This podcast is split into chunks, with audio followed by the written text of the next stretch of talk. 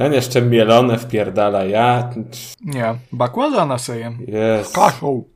Mm, kurwa.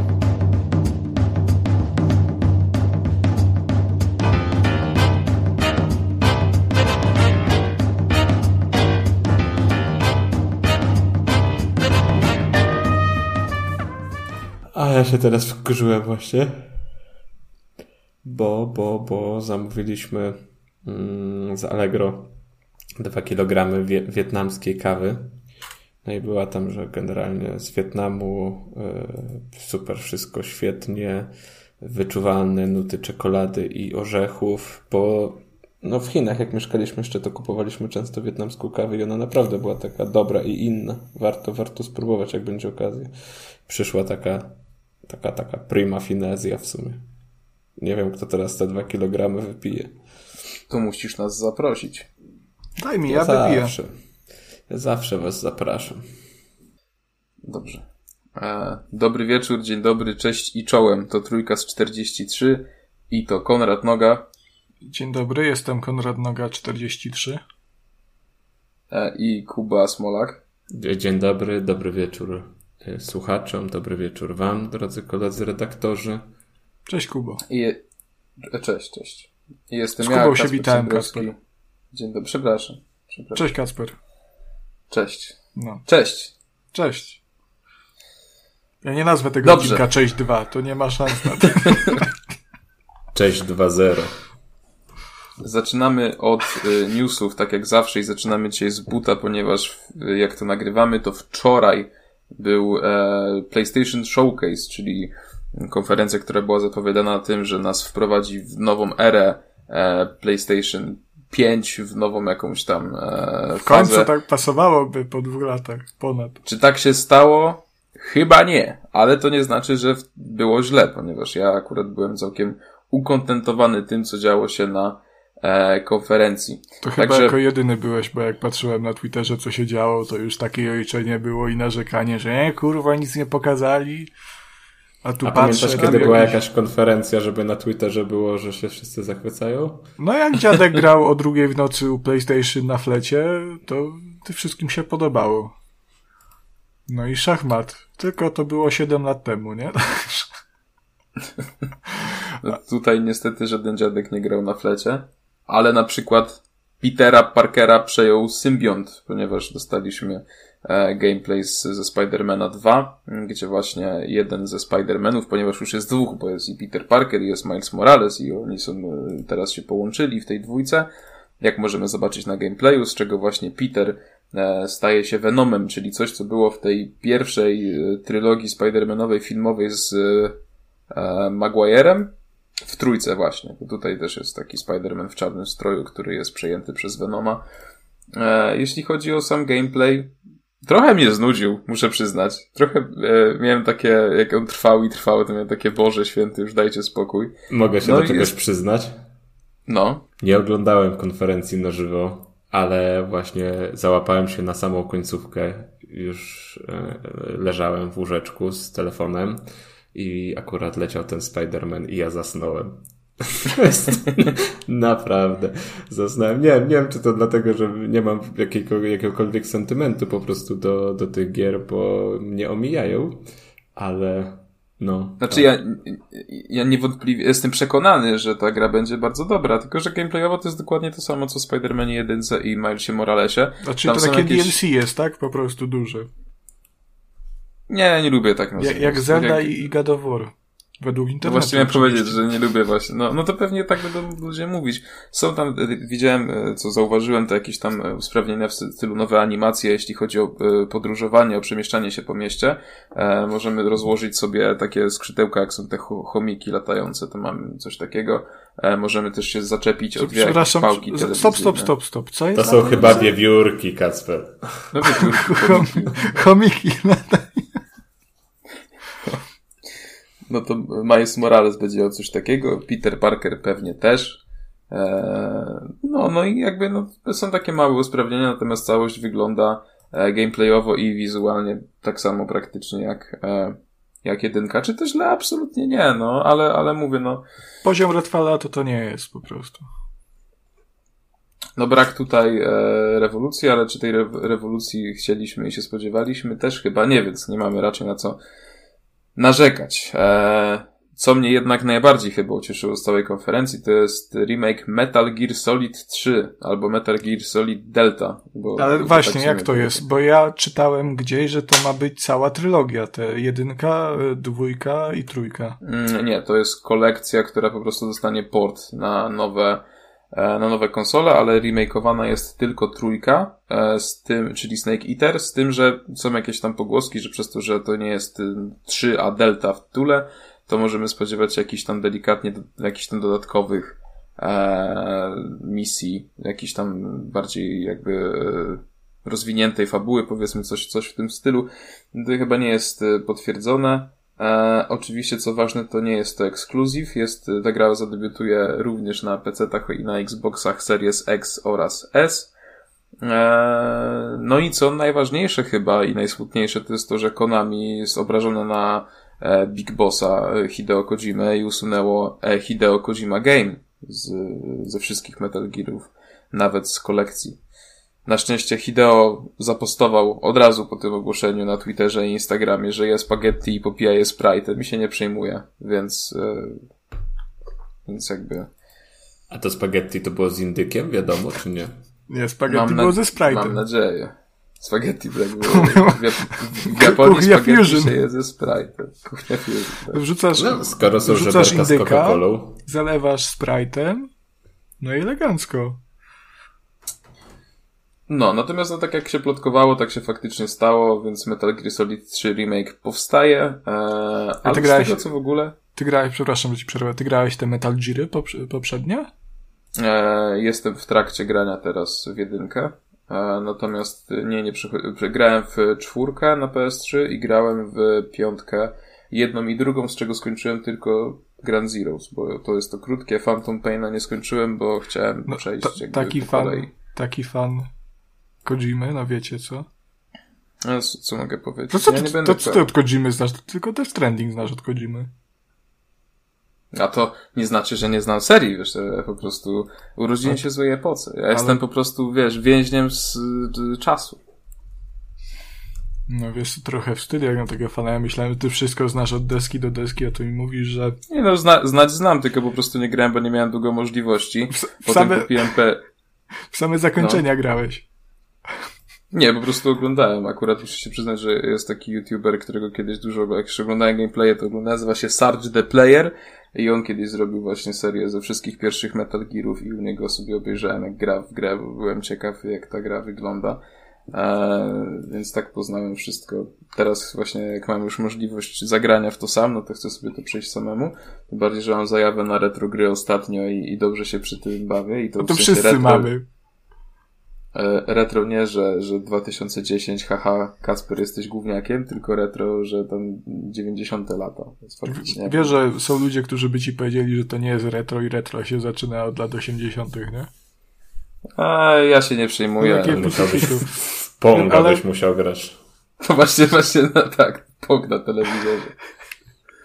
Nie, nie, nie, Ponga to wiesz, to tylko na automacie, nie oryginalnym tym takim żółtym jeszcze. Ale to jest urocze swoją drogą, że jakoś tak się złożyło, że w tym roku wszyscy mamy tę fazę na retro.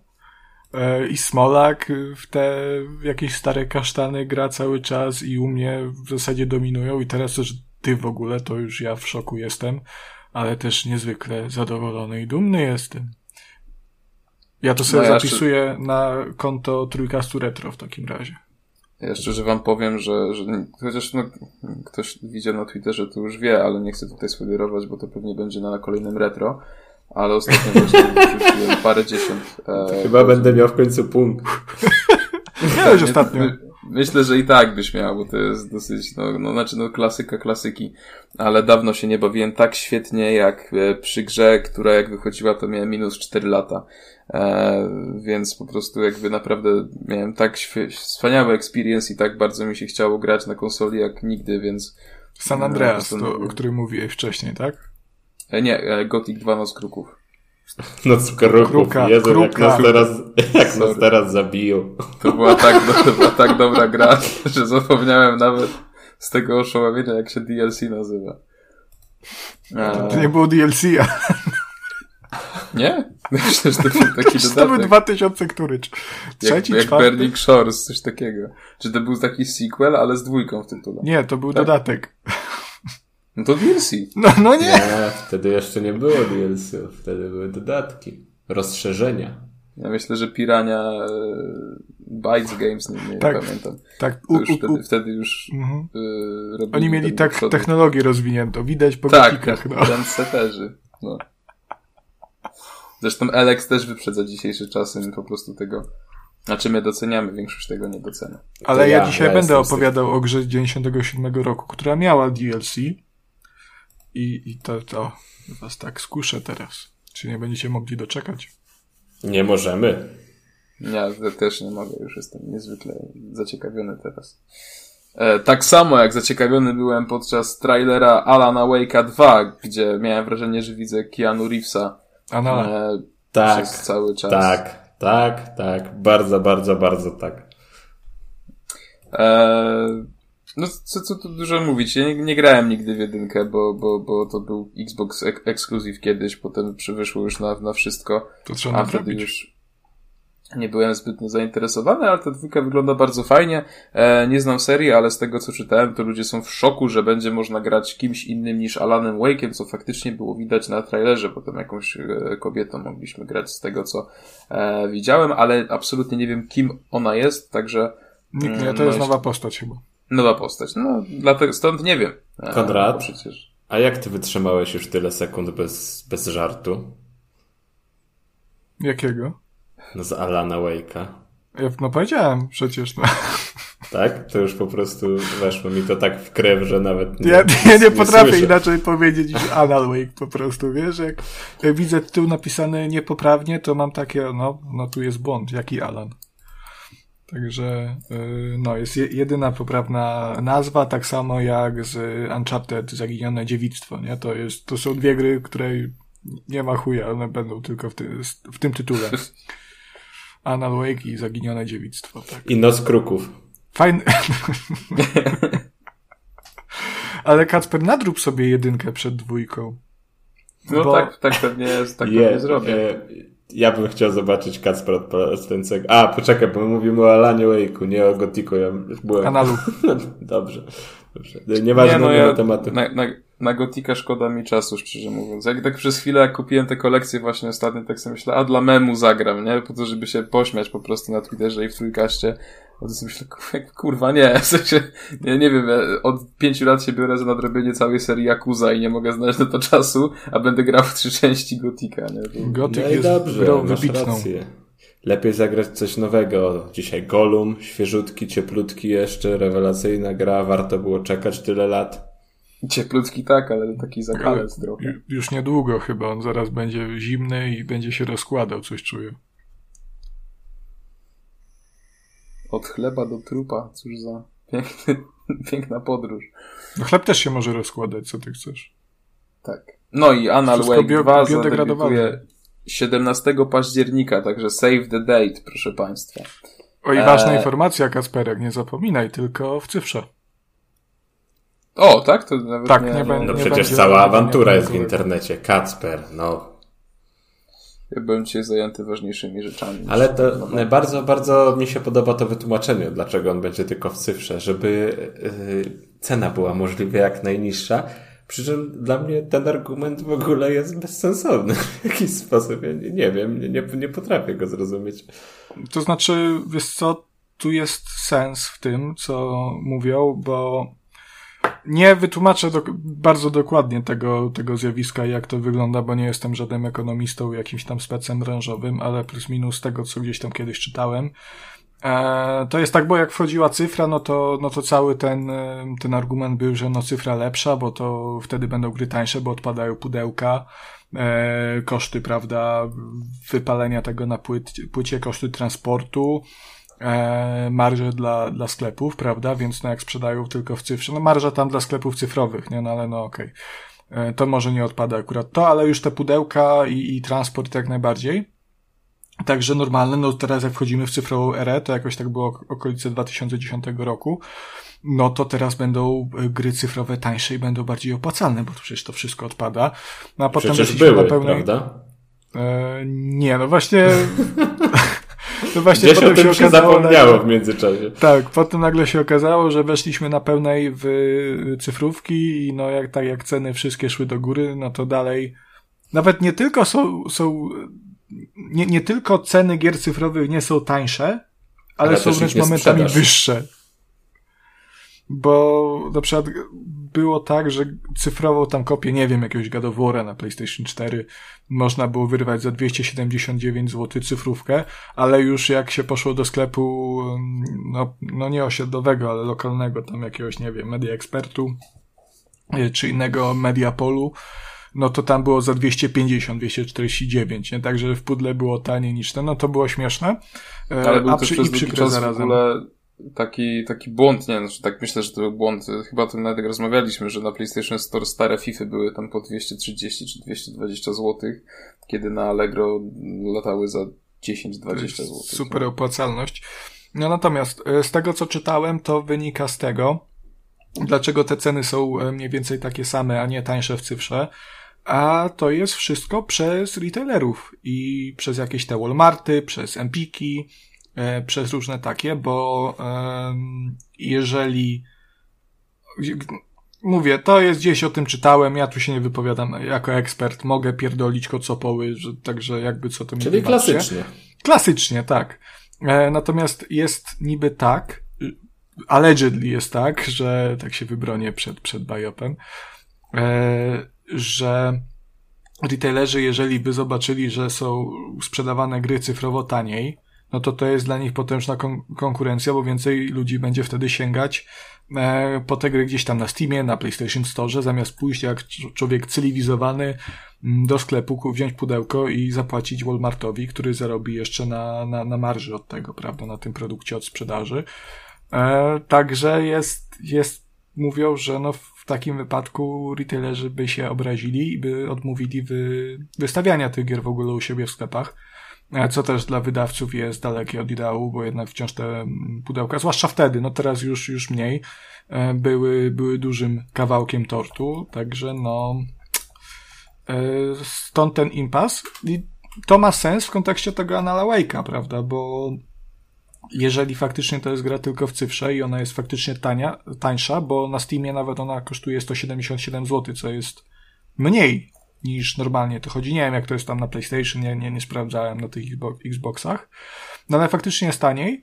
Mm, no także ma to sens, no skoro nie ma w pudełkach, no to retailerzy nie mają nic do gadania, nie ma zagrożenia, że um, że nie, nie wystawią swoich kopii, bo, bo nie ma czego.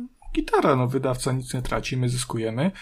E, chociaż też to jest taki troszkę ewenement, no bo no, wydawcy lubią też pieniążki, więc mogliby po prostu w, wystawić po, po normalnej cenie, takiej jak te 300 zł, te, które już teraz są 350.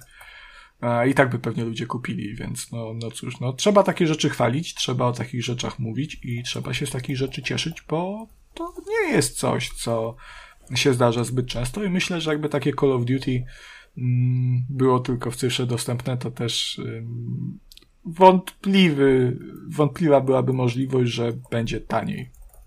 Skoro nawet tu nawiązując do FIFA, jakieś y, Black Opsy czy pierwsze, drugie, to dalej potrafią po 100, 150, 200 zł chodzić na, w cyfrowych sklepach. Tak. Dokładnie tak. No dzięki, ja się produkuję i tylko jedna Pewnie ja tak. Jeszcze, jeszcze trawię, w trawie te informacje jeszcze wszystkie po prostu ja też nie, nie, nie, mam, nie mam takiego szybkiego procesora. Nie no, zawsze, e... zawsze jest fajnie, jak jest jednak ten wy, wybór. Wiesz, no, nie wiem. Na przykład, jakby to była gra na Nintendo, to, to bym był w sumie wkurzony, że tak się dzieje, że, że, że mm, płacę za nią też cyfrowo sporo a jednak w przypadku gier Nintendo, jak masz fizyczną grę, to możesz sobie ją sprzedać, wymienić i, i, i, i jest tam jakiś, prawda, zwrot z tej. Z no, tej to jestem ciekaw waszej reakcji w ogóle na tę informację. To poruszyło was to jakoś? E, Średnio, szczerze mówiąc. Nie, nie, bo ja tak y, jestem team, team cyfra. To też pewnie dlatego, że dużo gier dostajemy do recenzji i one zawsze przychodzą cyfrowo, prawda? Więc, więc ten. Ja nie wiem, dlaczego jeszcze preorderów nie, złożo, nie złożyliście. No przecież wiadomo, że trzeba składać te, bo jak złożysz, to dostaniesz tam skórkę dodatkową później. Którą i tak będziesz mógł odblokować w grze, tylko dwie godziny później. No to nie warto tak w ciemno kupić grę? No bądźmy poważni. No. Jednak ta skórka zostaje na całe życie, prawda? Ej, ja do Metal Gear Solid Phantom Pain dostałem fajną naszywkę taką i w preorderze i było fajnie. Ale gdzie ją dostałeś, tę naszywkę? Yy, no, no w grze mógł w grze na tak. kurtkę, kurwa.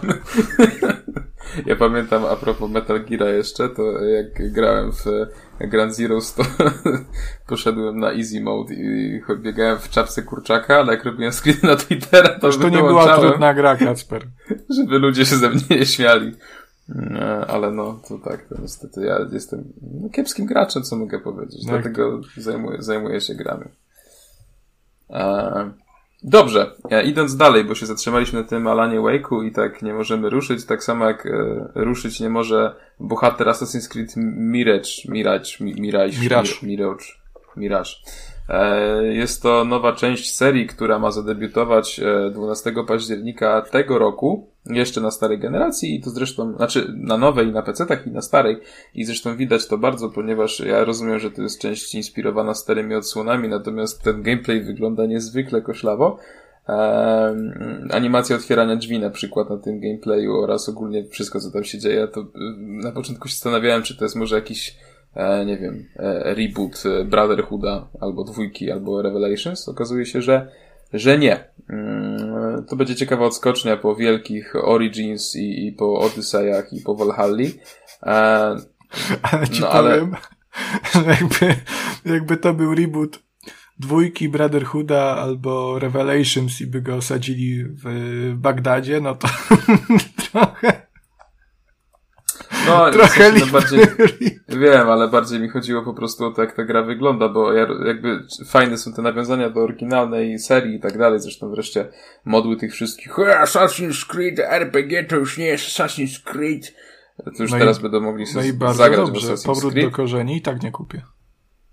No ale mówię, no gra wygląda jak sprzed 8 lat, więc, więc szkoda. Może finalnie będzie lepiej, ale no ten trailer jest dosyć rozczarowujący. Chociaż ja, tak jak kiedyś gadaliśmy, mam nie, jakby nie zrozumiałam dla mnie samego słabość tej serii i, i mimo wszystko tymi wszystkimi asasynami się trochę ekscytuję i to mam jest syndrom, a nie słabość. Skoczyć. Może to jest tak, syndrom sztokholmski. Ja uwielbiałem asasynem ale... i po trójce przeszło kompletnie, także... Nie wiem, po mnie tak asasyny spływają, że po prostu kolejne posterunki do zajęcia. Nie, nie wchodzę w to. No ja, ja dlatego trochę ostatnio właśnie się zmęczyłem wszystkimi nowymi grami, stąd moje teraz y, po prostu retro, retro faza, ale, ale mówię, no to Assassina jakby ja, tak jak no zresztą chyba moja narracja przy, przy tym Mirażu jest dosyć negatywna, ale ja wszystko jakby mam ochotę w to zagrać, nie? Więc no, jestem trochę y, bipolar. A nie wiem, ja chyba nie znam osobiście człowieka, który by się jarał asasynami. Jestem z tego też faktu szczęśliwy w sumie. No jak, super asasyn będzie, Kuba, zobaczysz, ale będziemy grali, kop może będzie, Kuba. Najlepsze będzie. Kop to jest w Redfallu najlepszy, to już lepiej nie będzie nigdy. Jestem ciekaw, jak, jak, jak to będzie wyglądało. W ogóle jestem ciekaw, czy ten asasyn wygląda tak, jak, jak ten asasyn przez te problemy Ubisoftu, które, które ma teraz. E, bo on tam kasę traci, że ja pierniczę. Zwalnia, zamyka, wyrzuca. Mhm. Także, no i tak się sprzeda. A może po prostu chcieli dać true experience dla fanów korowych asasynów. No to mają teraz, proszę. Będzie drewniany tak jak wszystkie stare. Eee, nie były drewniane dobrze. stare, co ty gadasz? Jedynka trochę, ale to... Wspaniałe. Idąc dalej, e, ale tutaj liczę na wasz support. Dragon's Dogma 2. Ponoć duże ogłoszenie, ja nie znam totalnie, nie, nie, nie, nie hypuję się, nie wiem co mogę na ten temat powiedzieć. No, w którym roku Dogma pierwszy wyszedł? 2000 11. No, to nie tak dawno. Nie ja wiem, pamiętam, że... nie wiem, strzelam. Czy dobrze mi 2003 2013. Tak późno? Z tego co ja tu widzę, tak. A na PC-tach to. A nie, czekaj, to jest jakiś Dark Horizon. 2013. Dark, Dark Horizon to była rozszerzona wersja chyba. Mhm. Nie, no to w 2013, no to 12 lat. Nie, pierwsza Dragon's Dogma 12 był. No to był taki, Gdzie? To trochę taki yy, W Japonii classic. tylko? Co? W Japonii? A nie, to czekaj, bo to ten znowu ten Dark. Nie, no Dragon's Koledzy, Dogma tak, wyszła myślę, że tak, tak, dla słuchaczy nie ma znaczenia, czy to jest 11, 12 czy 13. O co chodzi z dwójką? To po to no, tu jesteśmy. No, 12 no, ma dwójką... znaczenie, bo to było euro w Polsce w 12. Nie pamiętam, no przecież ważny tak, rok. Tak, tak, było, było. Kubki mam jeszcze dwa z euro 2012, takie ładne fioletowe z tymi kwiatuszkami takimi. A to było to euro, euro, koko, koko, spoko, tak. to to było to tak, euro, to tak? było to. Jarzębina zespół ludowy pieśni i tańca. E, Kacper, no o co chodzi z tą dwójką? No, z dwójką w Dragon's Dogma 2 chodzi o to, że to jest druga część serii Dragon's Dogma, e, a poniekąd no, trzecia, bo no nie no druga, bo tam ta Dark Arisen to było 1,5.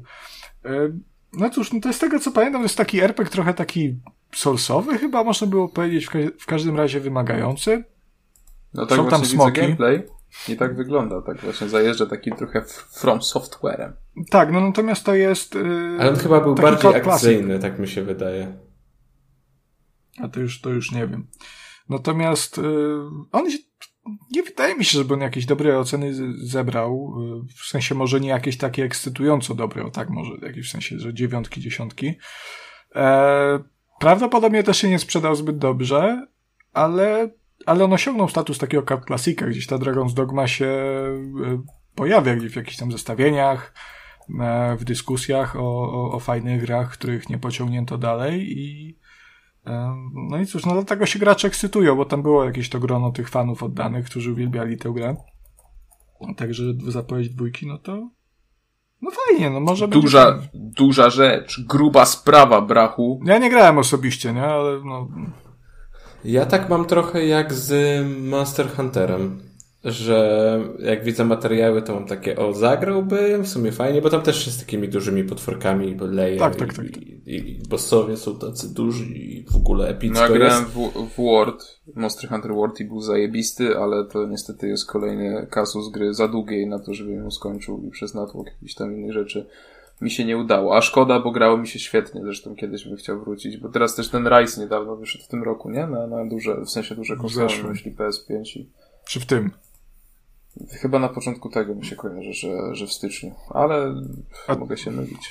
A tak, dobra, bo to jeszcze wcześniej Generalnie... był Sunbreak. Generalnie to jest dla mnie taka gra, w którą chciałbym zagrać, ale wiem, że to nie jest gra dla mnie. Ta, takie mam trochę mieszane uczucia. Mm, ale no. Najważniejsze, Kuba, to do niczego się w życiu nie zmuszać. Właśnie, tak, Kuba. Tak. Czyli co, koniec z trójkastem, mówicie? Fajnie było, ostatni odcinek, cześć. Dobrze, dalej, Bungie, czyli studio, które kiedyś należało do Xboxa, a teraz należy do PlayStation. Zdraj, zdradzi, zdradziejcowie e, zapowiedzieli nową Jeszcze... grę. I... Destiny 3. No. No właśnie nie. E, jest to maraton. Albo mara marathon. A, a to jest ich stara e, seria. To będzie gra tak. o bieganiu? To będzie gra o bieganiu i szczylaniu. To trochę wygląda jak mix Destiny z No Man's Sky. Jest całkoś taka bardziej futurystyczna, ale w internecie porównują to ludzie do Escape from Tarkov. Ona nie będzie miała w ogóle Mm, e, kampanii, e, w sensie żadnych tam fabularnych misji, po prostu będzie łupanka, PvP, szczylanie, klany, ekipy. Dobra, czyli kiedy Dużo zdechnie? emocji. Mm, no tak, wiesz, no 6 miesięcy dobra, będą aktywnie rozwijać i później 6 miesięcy będzie, będą patrząc, patrząc na to, jak żyją te gry Bungie, to ja bym był, e, nie byłbym taki e, hop do przodu z takimi. No ale, ale gry Bungie ma, miały zazwyczaj fabuły, nie? Więc e, to było takie trochę połączenie. Destiny to nie, nie jest stricte PvP, to jest takie trochę memo, nie? Że tam jest ta historyjka i ten... No nie no, no ja życzę dobrze, y, natomiast to jest w ogóle ciekawy powrót, bo Maraton to jest chyba seria strzelanek z lat Ona 90. Była Tak. I to chyba na Maki tylko wychodziło. E, w 94 była pierwsza część, potem rok później była druga i gdzieś czytałem, że są jakieś podwaliny serii Halo. E, no mhm. bo Bungie potem robiło Halo. E, ale Marathon, mimo tego, że to jest już gra opracowywana pod PlayStation Studios, to nie jest to gra, która będzie tylko na PlayStation. Gra pojawi się też na PC-tach i na Xboxach Series XS. Zresztą to nie jest też zresztą e, super zdziwienie, bo no, zresztą przy e, ogłoszeniu zakupu właśnie oni mówili, że, że Bungie nie będzie e, robiło exów, tylko oni mają za zadanie po prostu robić takie multiplatformowe gry. Ja zresztą kiedyś o nawet pisałem felieton, gdzie tłumaczyłem mm, na, jakby po co, po co w ogóle jest, e, po co Bungie jest PlayStation. No i po co jest? Mm. Nie pamiętam, bo dawno. w sensie chodzi o to, że po prostu każdy, każdy duży teraz chce mieć swoją grę, usługę, nie? Epic ma Fortnite'a, e, Microsoft ma między innymi Minecrafta przez Mojang. E, i, I jest jakby to, to istotne, a Bungie się specjalizuje w grach I usługach zresztą. I Redfalla ma, tak. Mm, no i, i właśnie maraton ma być czymś takim, ale to nie chodzi o ograniczanie, jakby w sensie oni właśnie chcą e, iść szeroko, czyli dawać wszystkim graczom, e, którym to e, możliwe. No zobaczymy, no na razie jakby nie ma też super mięska, ponieważ gra jest na wczesnym etapie produkcji, zresztą Bungie tam też mówi, że jak lubicie robić gry i chcecie zrobić maraton, to zapraszałem do siebie, także... Dużo gier mamy, można od początku do końca grać. Tak, dokładnie. Znaczy, ja bym tylko Dobrze. chciał powiedzieć, że artystyczny kierunek tej gry w ogóle mi się nie podoba i nie przemawia do mnie. Jest całkowicie mi obojętny pod tym względem. Okej. Okay. Dzięki za opinię, Kuba. Przechodząc dalej. dziękuję, dziękuję. Czuję się, czuję się ważny teraz.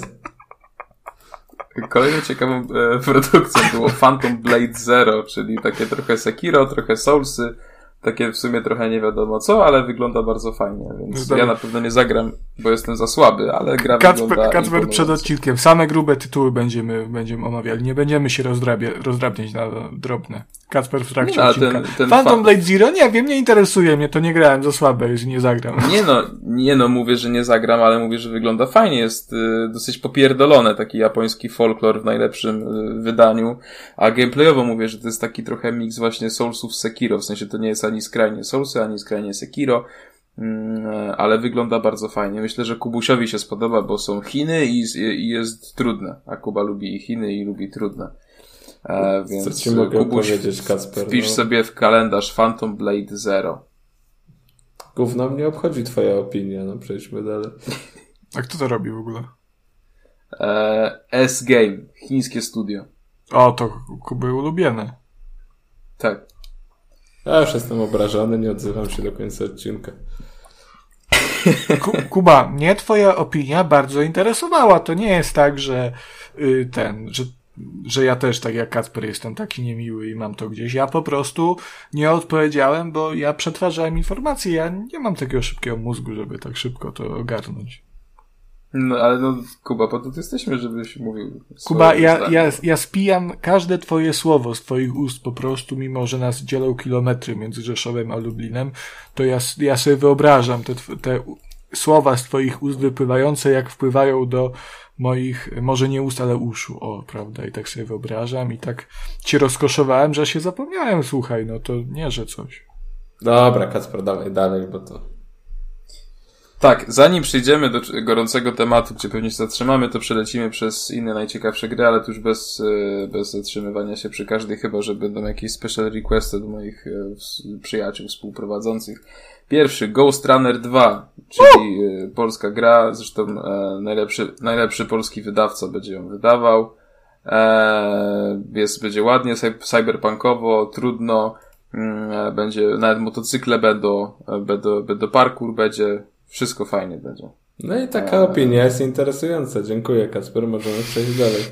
Czekamy, trzymamy kciuki. Kolejna gra, Sword of the Sea, czyli gra od twórców Abzu, czyli tej takiej pięknej gierki na PS, czy ze schyłku PS4, która bardzo przypomina Journey i mm, inne gry artystyczne, krótkie, ale jakże chwytające za serce i wspaniałe. Eee, kolejną grą jest... Eee, No w sumie to koniec ciekawych gier, ale pokazano jeszcze trailer e, Street Fightera 6, który wychodzi 2 czerwca. Czekamy. Oraz nie? nowy, znaczy ja czekam, ale nie. pokazano też nowy trailer Final Fantasy XVI i się zesrałem. Po prostu wspaniała jest to gra. Eee, czekam jak szalony, nie mogę się doczekać. Eee, no wygląda wspaniale. Eee, mam nadzieję, że będzie dane mi w tę grę zagrać. I to tyle, jeśli chodzi o gry wideo. A przepraszam, jeszcze mam jedną grę wideo spoza e, PlayStation Showcase, ale machniemy już e, za jednym razem. Jest to Mortal Kombat 1. Po Mortal Kombat 11 przyszedł czas na Mortal Kombat 1. E, może zapomnieli wklepać dwójki. Nie, no to po prostu będzie jak Battlefield, będzie osadzony w trakcie pierwszej wojny światowej. No, o to chodzi. Eee, no prawie tak. Nie, tam będzie to jakieś nowe uniwersum stworzone przez jakiegoś o, Boga Ognia Liu Kanga i tam ma być nowy system walki, mają być też tam więcej niż jeden e, niż jedno zwierzę, to Ty grałeś jakiegokolwiek Mortala, tak w ogóle? Grałem w 9, 10 i 11.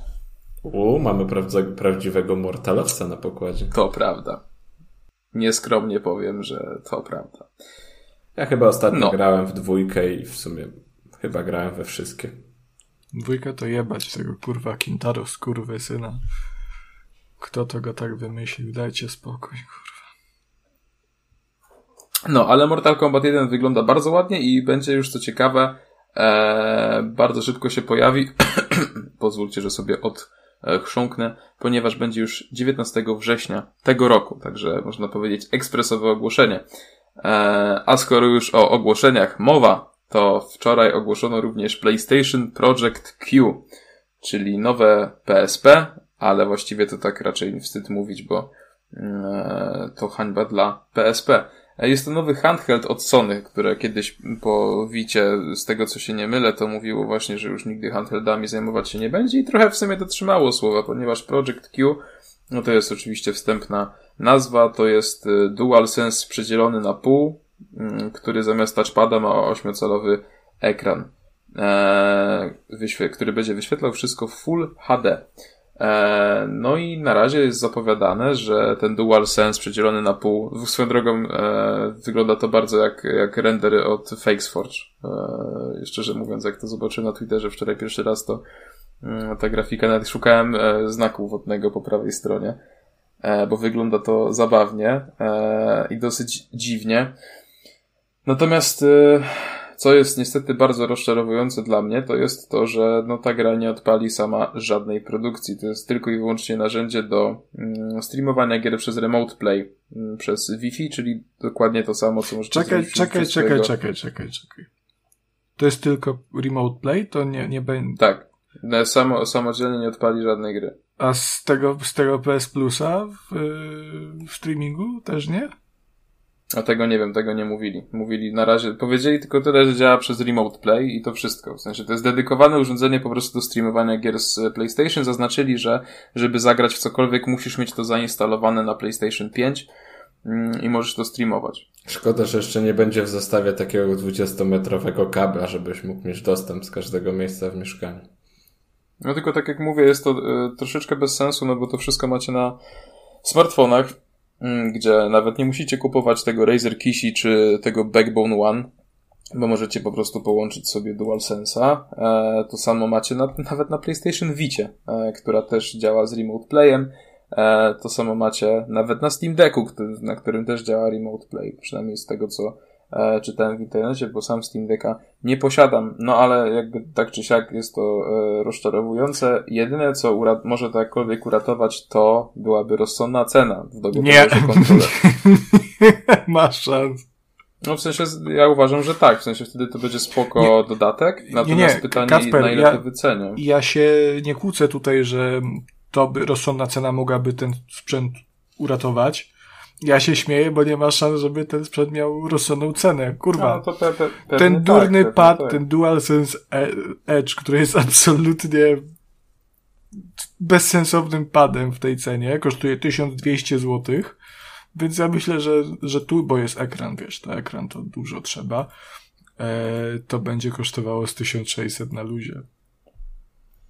No ja mam z tym właśnie mega problem, bo no mówię, znaczy no na razie nie chcę, nie chcę y, jakby robić żadnych widełek, kiedy to ma sens, kiedy nie ma sensu, po prostu czy ja poczekam na ogłoszenie, wtedy będę dyskutował, natomiast no to ja też się obawiam, że to nie będzie no nie będzie to kosztowało normalnych pieniędzy. Mm, z tego względu wydaje mi się to dosyć bezsensowne. No przede wszystkim wielka szkoda, że to samo nie odpali żadnych gier. Jakby to jest dla mnie bzdura wypuszczanie handhelda, który e, po prostu no, nie potrafi sobie sam z niczym poradzić. To znaczy, jeżeli to by było urządzenie, e, w którym odpalimy gry z PlayStation Plusa i możemy sobie streamować po prostu te gry z Plusa, to jeszcze to by było ok. To by było całkiem w porządku, jaka taka, jako taka budżetowa możliwość pogrania sobie w hity od PlayStation.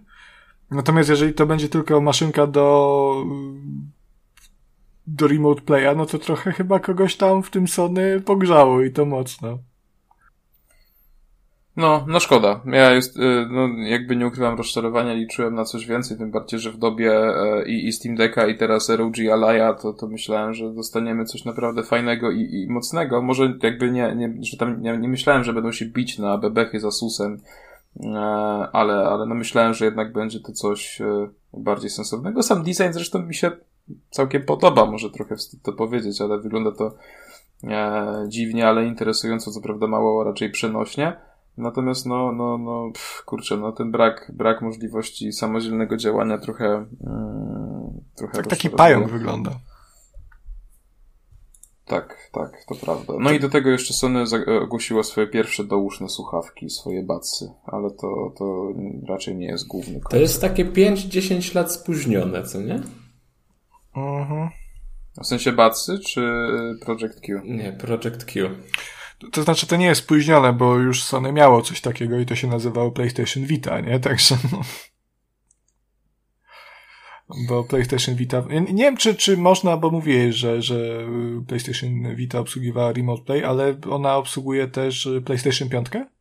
A wiesz co, z tego co mi wiadomo, to tak. No, kurczę, powiedziałbym nick, ale, ale naprawdę nie pamiętam. Obserwuję takiego ziomka na Instagramie, co, co wrzuca właśnie szoty e, wszystkich premierówek z PS5, jak mają je odpalone na Wicie. Mm, e, więc no to jest rzecz, nie? Także e, no nie wiem, no ja jestem czekam na więcej informacji. Może jeszcze zmieniam, no, wątpię, żeby zmienili koncept, ale trochę na to liczę.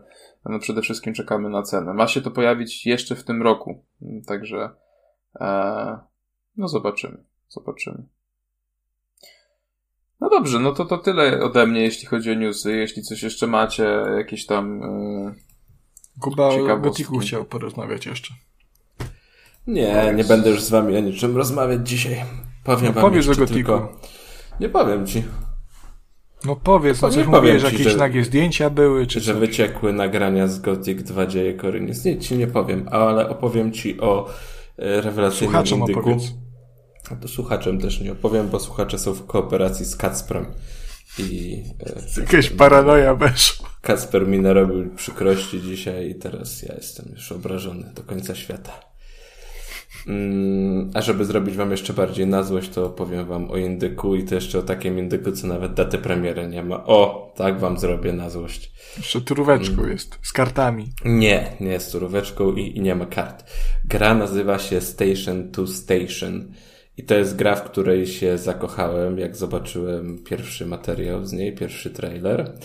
Eee, nie wiem, dla mnie ta gra wygląda bardzo, bardzo, bardzo unikalnie i ta oprawa mnie po prostu zachwyca. To jest wszystko takie, takie pikselowe, wokselowe, z kwadracików zbudowane. Eee, no wygląda jak taka wielka, ogromna makieta pełna szczegółów, ciekawych miejsc do odwiedzenia, pięknych krajobrazów, no cudnie się na to spogląda, a rozgrywka polega na tym, że buduje się linie kolejowe i tory i pociąg sobie jeździ mm, i to będzie działało troszkę na takiej zasadzie. No tam twórcy mówili, że inspirowali się na przykład Dorf Romantic i takimi w ogóle grami relaksacyjnymi, gdzie nie, nie mamy tej presji jak gramy, tylko sobie coś tam budujemy, coś tam sobie dodajemy, sprawdzamy, oglądamy piękne obrazki. No tutaj będzie po prostu budowanie tych linii mm, kolejowych i jak ta nasza ciuchcia gdzieś dojedzie, to ten obszar ma być odsłaniany przed nami i to będzie się powiększać i powiększać i e, coraz więcej ciekawych miejsc będziemy odkrywać pośrodku ty, podczas tej naszej przygody.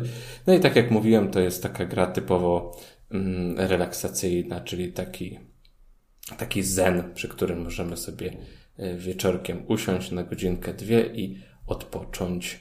E, lubię pociągi, lubię piękne krajobrazy, lubię ciekawe indyki, także jestem jak najbardziej na tak. Gra ma się pokazać na PC-tach jeszcze w tym roku, e, więc mam nadzieję, że to będzie niedługo. Bardzo fajnie wygląda, ci powiem. Wygląda fenomenalnie. Wrzucałeś właśnie na, na Twittera zdjęcie z tej gry i, i też się zachwyciłem, nie wiedziałem co to, ale no, jest na moim radarze teraz. W ogóle te, ten trailer fajnie wygląda, bo te lokomotywy to są, to nie są takie pociągi jakieś te PKP Intercity, prawda, TGV, Pendolino, tylko to są lokomotywy i prześlicznie to wygląda, jak one tak suną przez te miasteczka. Tam gdzieś biegają Mustangi, prawda, e, jeżdżą też, też te napędzane chyba węglem, jakieś stare, nie wiem, czy to jest kombine, coś takiego, no fenomenalnie to e, Walec. Wygląda. Mógłby to, mógł to być walec, faktycznie. Taką samą lokomotywą będziemy jechać na Pixel Heaven w sobotę, Konrad, także... Tak, i, i też piksele będą, to akurat, to się wszystko zgadza. Się, wszystko się zgadza. Ona, ona w ogóle fajnie wygląda, bo ona wygląda jak zbudowana z takich trochę klocków Lego. E, tak, ale to jest takie, takie miększe dla mnie, takie... Mm... Tak, tak, a to przez, przez oprawę, bo tam jest, nie wiem jak to się nazywa, czy to jest to ambient occlusion? E, że to jest takie wszystko ładnie wycieniowane też, e, to światełko tak pada. Trochę w stylu, e, Jezus, Octopath Traveler w pewnym sensie, tylko to nie jest oparte na sprite'ach, tylko na faktycznych modelach. Ale jest ten taki vibe, jeżeli sobie wyobrazicie grafikę, to jest taka mm, bardzo kanciasta, ale, ale wyglądająca jednocześnie nowocześnie. Także to jest, to jest bardzo fajny miks. A Kuba, a czy ty wiesz, co jeszcze wygląda jak zbudowane z klocków Lego? Co jeszcze Klocki wygląda Lego. jak zbudowane z klocków Lego? Kacper był bardzo blisko, bo wygląda jak... Czekaj, jak to kurwa po polsku powiedzieć? Jak zbudowane... Czekaj. Jak zbudowane z klocków Lego wygląda także Lego 2K Drive. Pewnie dlatego, że jest zbudowane z klocków Lego. A nie, bo jest zbudowane z pikseli, Kuba. Naucz się trochę o tym, jak się tworzy gry i wyświetla grafikę. A słyszałem, że w taką grę grałeś. Myślałem, że jest zbudowane z, mikro, z mikrotransakcji. A to jest, ma 2K w nazwie, jest chyba wydawane przez 2K, także to jest, oczywiście, no to jest gra, w której, to jest gra dla dzieci, w której pierwsze, co się wyświetla na ekranie, to zachęta do zakupu Drive Passa na rok za 179 zł albo 189, także to jest jedna z tych. Tak gier. się robi kasę.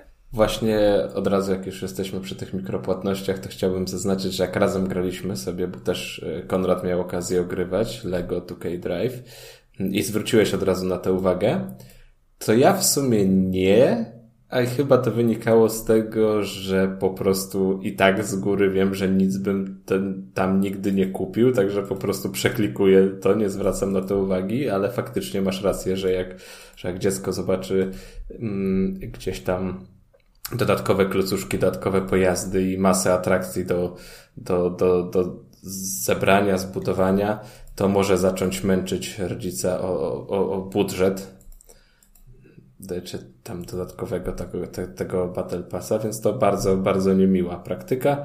No ale cóż, no trochę się już chyba do tego przyzwyczailiśmy, co nie?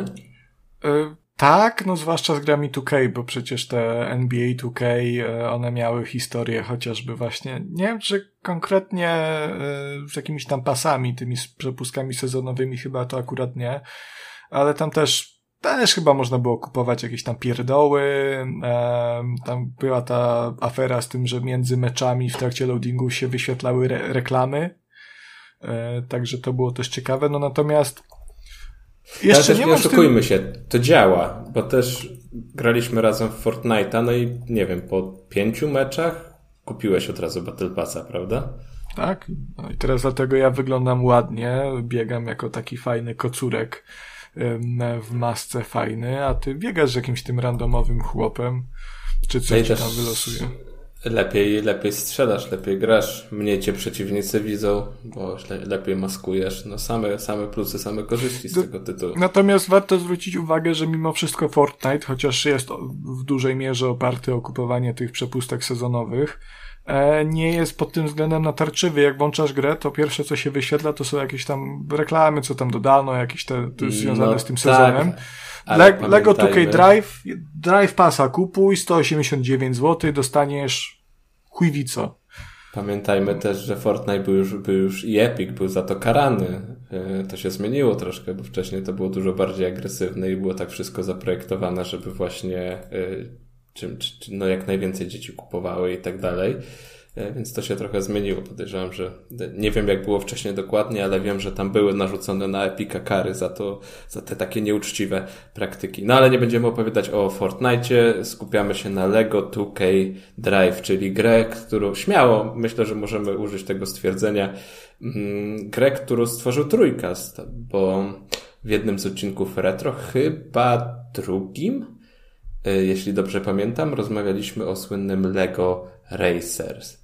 Mm, I wtedy właśnie też e, tak off-topowo wpadła dyskusja, dlaczego nie pojawiła się kontynuacja, trzecia jakaś odsłona, albo w ogóle gra wyścigowa, która by była gdzieś w świecie e, Lego. I nie wiem, miesiąc później coś takiego bardzo, bardzo szybko. Bardzo szybko. Pojawiła no. się ta pierwsza zapowiedź tego Lego 2K Drive i ja pamiętam, że wtedy na świeżo po tym Lego Racer E, bardzo się, bardzo się zajarałem tą grą i e, no czekałem, nie ukrywam, że czekałem. E, fajnie, że sobie mogłem zagrać. Mm, a co do samej gry? Hmm. Nie wiem, czy trochę nie miałem zbyt dużych oczekiwań. Też mogę, obawiam się, że może trochę wyrosłem z samego Lego, chociaż lubię sobie kupić od czasu do czasu jakiś komplet i mieć, ale hmm, nie wiem. Nie wiem, czego się dokładnie spodziewałem, a w mojej głowie był jakiś taki um, bardziej ekscytujący e, obraz tego, jak mogłaby wyglądać współczesna gra stworzona na podstawie, na podstawie Lego. Bo dla mnie to Lego nie jest jakąś taką złą grą, ale mimo wszystko nie potrafię się nie ujarać i nie mam tak, że wiesz, e, w pracy myślę, o, to wieczorkiem sobie pyknę 3-4 wyścigi w Lego 2K Drive. No, no, no nie Bo ma pracujesz z domu gdzieś. i robisz to podczas pracy. E, no tak, tak, tak. E, dokładnie jest tak, jak mówisz. Mm. No cóż, nakryłeś mnie, nakryłeś mnie. I, i, I, nie wiem, nie wiem do końca z czego to wynika, bo jak odpaliłem po raz pierwszy tę grę, ona się dzieje w ogóle w otwartym świecie, więc możemy sobie, znaczy w takim otwartym świecie, ale też wydzielonym na pomniejsze mapki, pomniejsze lokacje, takie biomy, ale możemy sobie pomiędzy nimi skakać, jak już je odblokujemy, także nie ma z tym problemu. Ja poczułem takie jakieś, nie wiem, duże przytłoczenie, bo tam wszystko jest oczywiście zbudowane z klocków i dużo się dzieje i ten nasz samochód, pojazd, one szybko jeżdżą, szybko się przemieszczają, tam się wszystko rozwala dookoła. Nie do końca e, nadążałem nad tym wszystkim. Ty zasugerowałeś, Konrad, że ja już jestem po prostu za stary ja i myślę, nie daję tak. sobie z tym rady. E, no, Ty w turówki no grasz, tak. turówki ci zepsuły Wiesz, po prostu oczy i mózg, więc jak coś tam się dzieje... jest. E, wszystko naraz to smolak odpada turówkach jest statycznie, prawda? Jest, jest, ty się ruszasz, ten się rusza, tam się rusza, jest, na, nadążam za tym wszystkim. E, tutaj miałem duży problem, żeby złapać i wyczuć rytm tej, tej gry, ale ty mówisz, że tak nie miałeś, tak? E, nie, no to znaczy, wiesz co, też e, na początku nie miałem jakichś takich, nie wiem, niesamowicie pozytywnych wrażeń. Znaczy, poda, tak, podobała mi się ta gra, dalej mi się podoba, uważam, że jest bardzo fajna. E, jak na taką, nie wiem, no ja bym to opisał jako taka Forza Horizon dla dzieci tak naprawdę, bo to, tak jak mówiłeś, jest ten otwarty świat, można sobie jeździć, e, są te, te główne turnieje, jakieś tam są e, pomniejsze wydarzenia poboczne, dużo samochodzików cały czas pada. Może nie jakieś takie zatrzęsienie jak w Fordzie, to nie jest 900 samochodów, ale, ale też jest całkiem sporo. No nie ma loterii przede wszystkim, że tam nie ma loterii. Wygrywasz, wygrywasz 9 samochodów i nie wiesz, którym jeździć. Y, widać, słychać, że nie grałeś w Forze, bo to nie jest tak, że wygrywasz 9 samochodów, wygrywasz 8 Dobra, może inaczej. Siedem koszulek, yy, czapkę i klakson i może samochód wtedy wygrasz, tak już. jest tak to Nie, też nie gadaj, dużo, dużo wletuje. No przesadzam, no wpadają te samochody, ale, ale ubranka też tam, jak zawsze jak jakieś kroksy wpadają, to jest największa. Z ubrankami to jest tak, że jak ci wypada coś tam super legendarnego, to wtedy dostajesz legendarne ubranko, nie legendarny samochód, który jest warty kupę hajsu, tylko sandały, które są też po prostu brzydkie i ich nie nałożysz i masz takie, o fajnie, trafiłem coś legendarnego, ale z drugiej strony nie nałożę tego, bo jest super brzydkie i do niczego mi nie pasuje. W legendarnych sandałach po prostu się szy- mocniej naciska gaz i się szybciej jedzie, o to chodzi. E, natomiast no sandałów nie ma w LEGO 2K Drive, niestety. Są, są e, modele postaci, można sobie nawet na przykład domyślnym Damianem. Czyli tak zwane ludziki. Tak, ja, ja teraz Jak się, jak się u was dziadkiem. mówiło na ludziki? Bo u mnie ludziki. jeszcze tak? A u mnie jeszcze chłopki. takie określenie to hipki. U mnie jeszcze hipki, hipki. były. U mnie, u mnie chłopki bardziej. Ale tak jeszcze od, od, odpowiadając na twoje pytanie. E, nie miałem tak, żeby to jakoś mnie przytłoczyło. Raczej to, co widziałem, mi się podobało. E, to połączenie tych klocków z mm, tym oświetleniem i odbiciami. E, jak dla mnie to wygląda no, fenomenalnie. Przepiękna jest ta gra. Natomiast faktycznie te wyścigi i to, co się dzieje na ekranie jest strasznie chaotyczne momentami. No, no o to mi chodzi, o to mi chodzi, ale yy, wiesz z czego to, to, tak sobie myślę, że to wynika z takiej zależności, że ja jestem na przykład przyzwyczajony do tego, że jak jedziesz samochodem i, i, jest woda głęboka przed tobą i ty wpadniesz w tę wodę, to gdzieś albo ten samochód jest wyrzucony z powrotem na trasę, albo przegrywasz, albo cokolwiek, a w Lego nie, w Lego on się zamienia w motorówkę i nagle zaczyna płynąć przez rzekę, a jak skończy przejechać rzekę, to wyjedzie w shooter i tam się zamieni w jeepa, a jak wyjedzie na asfalt, to znowu się zamieni w jakiś wyścigowy samochód i po prostu potrzebowałem czasu, żeby to wszystko No ale to nie jest nowy patent, to już było w... czekaj, żebym teraz tytuł dobrze wypowiedział. Sonic All Stars Racing czy Sonic and All Stars Racing Transformed? Tam no, to jest gra nie grałem. Tam, tam już to było w chyba tym Mario Kart 8. No i nie e, grałem. Też. No i Kuba, no ale to jest bardzo fajny patent, osobiście mi się to strasznie podoba. Nie, no mi też się to bardzo podoba i to jest y, no ciągle takie wyróżniające i oryginalne, tylko wiesz, no mm, jak, po prostu możesz mnie... mieć wciśnięty gaz do przodu i, i, ciągle gdzieś jedziesz. Nie ma tak, że w końcu walniesz w ścianę i się zatrzymasz, tylko będziesz jechał, będziesz odbijał się od wszystkiego po drodze. Nie ma znaczenia, czy woda, góry, y, asfalt, to jest po prostu racer. jedziesz, jedziesz, jedziesz, jedziesz, jedziesz, jedziesz. To jest gra o go-karta. W każdym racerze jest dokładnie tak samo przecież. Co ty się spodziewałeś? Jak dla mnie ten chaos bardziej wy, wynika z tego. Ale ja nie mówię, że on mi przeszkadza. Ja po prostu potrzebowałem. No ale to tak, czasu, tak to brzmi, jakbyś narzekał. Żeby na nadążyć za, za tym wszystkim. Nie. Y, nie narzekam na to. To mi się podoba, ja to kupuję. Y, tylko nie wiem, czy ten otwarty świat sam w sobie jest mi do czegoś potrzebny. Tobie nie, ale dla dzieciaków to będzie niesamowita frajda. Możliwe. Sobie stworzą swój samochodzik, będą jeździć, będą, e, bo tam są i przechodnie, będą sobie odbijać tych przechodniów, bo oni się nie, nie rozpaćkują, tylko się odbijają i lecą hen daleko. E, będą sobie zbierać jakieś te znajdźki. ty miałeś z tego frajdę po prostu. Miałem troszkę, miałem. Znaczy, no, e, dobra, żeby, żeby ustalić, no to mamy takie e, typowe wyścigi po prostu, które musimy zaliczyć, żeby popychać fabułę do przodu. Fabuła jest... Bo fabuła jest, opowiedz.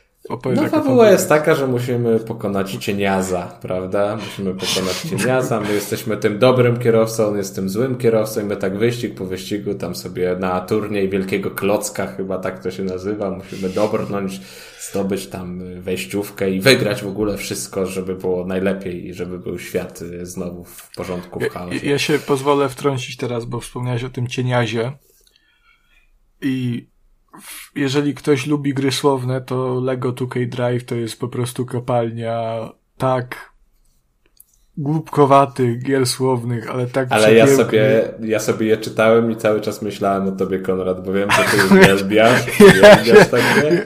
Ja się tak śmieję za każdym razem, bo, bo każdy z tych kierowców ma jakieś um, jakąś imię i nazwisko tak napisane, żeby to był żart słowny związany z jeżdżeniem. Teraz sobie no, nie też... przywołam.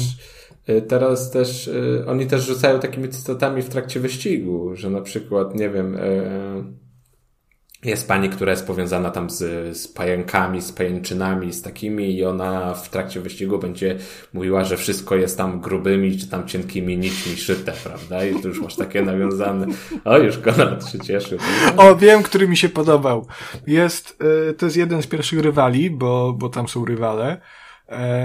I to jest to, to, jest, to jest kosmita, bo to się dzieje na pustyni, więc wiadomo, to jest amerykańskie, to, to czyli na kosmi, na, tfu, na pustyni, czyli tam są kosmici, nie? Bo wiadomo, ta, ta strefa 51 i w ogóle. I jest kierowca, który jest po prostu szarym, szarym ludkiem, e, kosmitą. I on się nazywa Lu Dzik. I to mnie śmieszy bardziej niż powinno. Ja się zarzekam, że mam więcej niż 5 lat, ale tak, tak brechtałem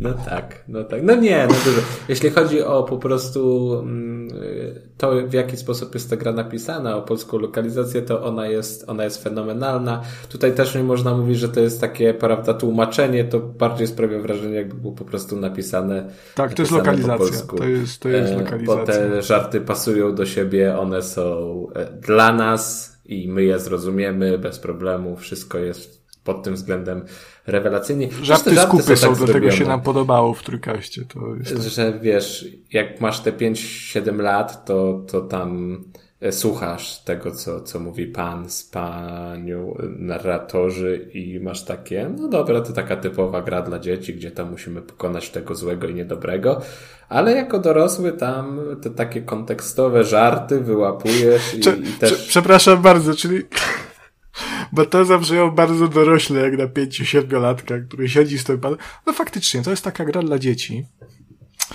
Tutaj trzeba pokonać tego złego. Mhm.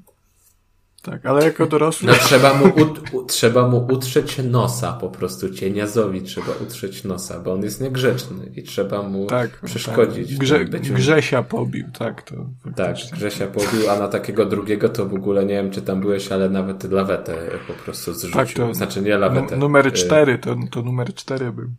Nie, to już, a może? może nie, wydaje mi się, że numer dwa dostał taki. No dobra, dobra bo nieważne. Wchodzimy Kuba w spoilery, to nie, nie. Spoilery. To... Generalnie no ta fabuła jest po prostu taka pełna ciekawych postaci, z których no, sobie słuchamy. Słyszę to jest, właśnie.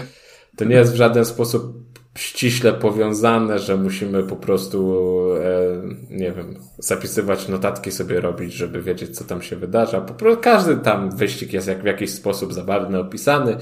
Y, no i my musimy stać się po prostu najlepszym czempionem, to tak w bardzo, bardzo, bardzo dużym skrócie. A zmierzałem do tego, że te wyścigi właśnie, które gdzieś tam są powiązane z fabułą, one mi sprawiały frajdę, ale aktywności poboczne, dodatkowe tego otwartego świata, to, to, to tak niekoniecznie, prawdę mówiąc. Nie wiem, jakoś nie czułem ani potrzeby, ani frajdy z szukania tych znajdziek, których jest w sumie bardzo dużo i czasami one nie są takimi mhm. aż znajdźkami, bo się na nie po prostu wjeżdża gdzieś przypadkiem, więc nie musisz się jakoś, że tak masz, że widzisz z, z oddali, o to tam jest jakieś super miejsce, tam na pewno będzie znajdźka, jadę zobaczyć. One po prostu są wszędzie, mam wrażenie, część się zbierze od razu, część nie. E, te takie wyzwania, które gdzieś tam są różnorodne. Tego jest naprawdę dużo, to nie, nie można powiedzieć. Mm, są i takie podstawowe, że tam ukończ jak najszybciej, są takie, że gdzieś musimy dolecieć, że uciec od danego punktu jak najdalej w określonym czasie. Tego, tego jest sporo, ale też one tak, tak średnio mi jakoś sprawiały frajdę. No to, są, to jest taki zapychacz. Y, taki Dużo zapychacz. fajniejsze są. Mhm.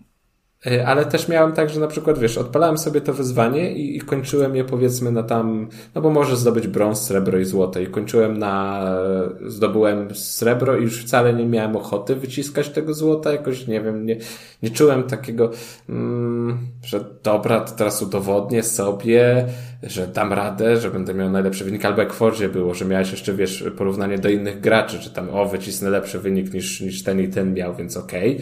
Okay. To tutaj nie chciało mi się, nie chciało mi się tego robić.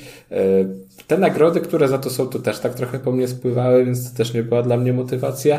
A, a chciałeś powiedzieć, że dużo bardziej podobały Ci się na przykład zadania, te poboczne, takie, tak, takie te, mini zadania?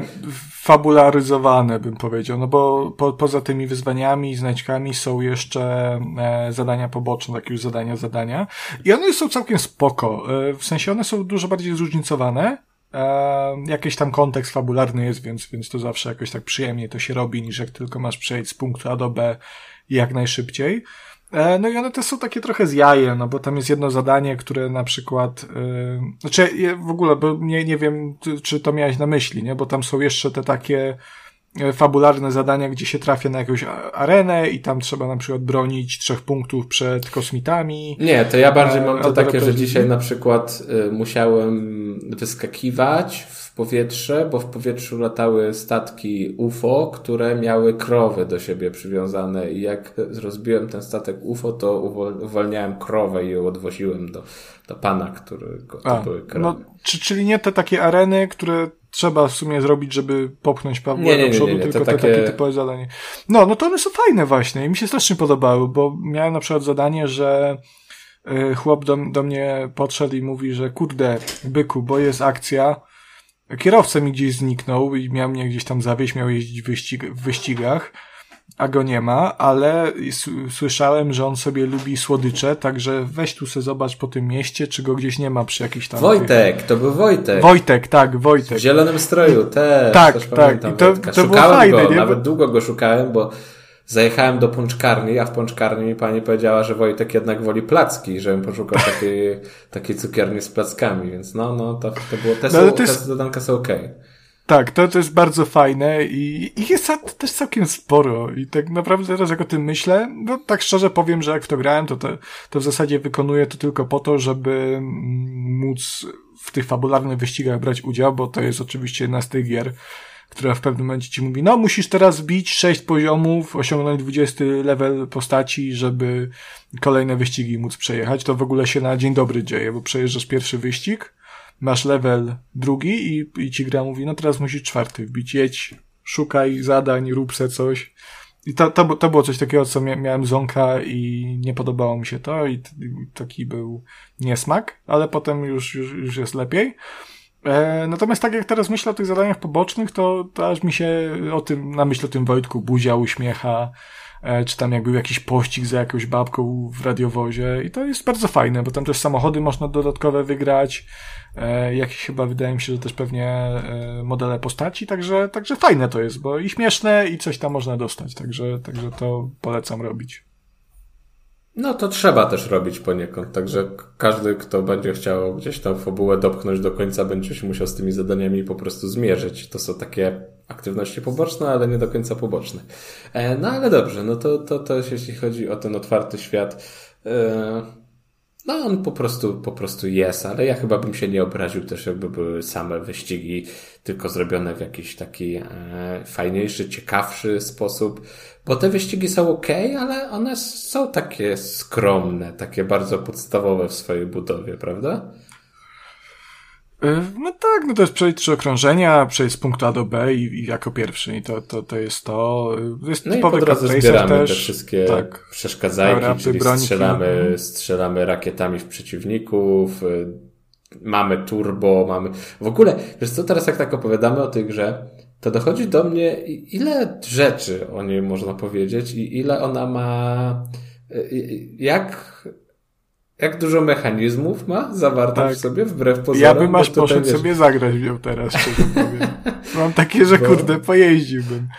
Bo, ale... bo, bo teraz widzisz, no też wypadałoby się wrócić do otwartego świata, no to też się w wyścigach stosuje, że czekaj, mamy... Czekaj, czekaj, zostajmy przy tych wyścigach. Że mamy to turbo, Mamy, mhm. mamy to driftowanie, e, mamy te przeszkadzajki, wszystkie te, te supermoce, które gdzieś się tam zdobywa. Jak awansujemy na te wyższe poziomy, bo też mamy mm, klasę C, wyścigów B, A, to też dostajemy jakieś tam nowe moce do odblokowania mamy. Także te, tego, tego jest całkiem sporo. e, i chcieć to wszystko omawiać, no to to by bardzo długa recenzja nam wyszła.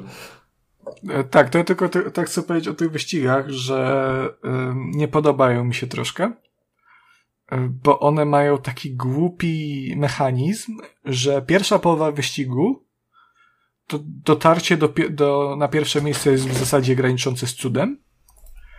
A nawet jak ci się uda, to pobędziesz tam dwie tak, sekundy, bo zaraz jest potężny rubber banding, ale już tak w połowie wyścigu to nagle tak wszyscy, to ja bym może zwolnił. A już Może mi się nie śpieszy. Y, końcówce ostatniego okrążenia to wyjedziesz w ogóle z toru, rozbijesz się, spadniesz tak. na ósme miejsce i nagle o, jeszcze ta druga, trzecia pozycja, to tak, tak, tak spokojnie tak, tak, jesteś w stanie wyciągnąć.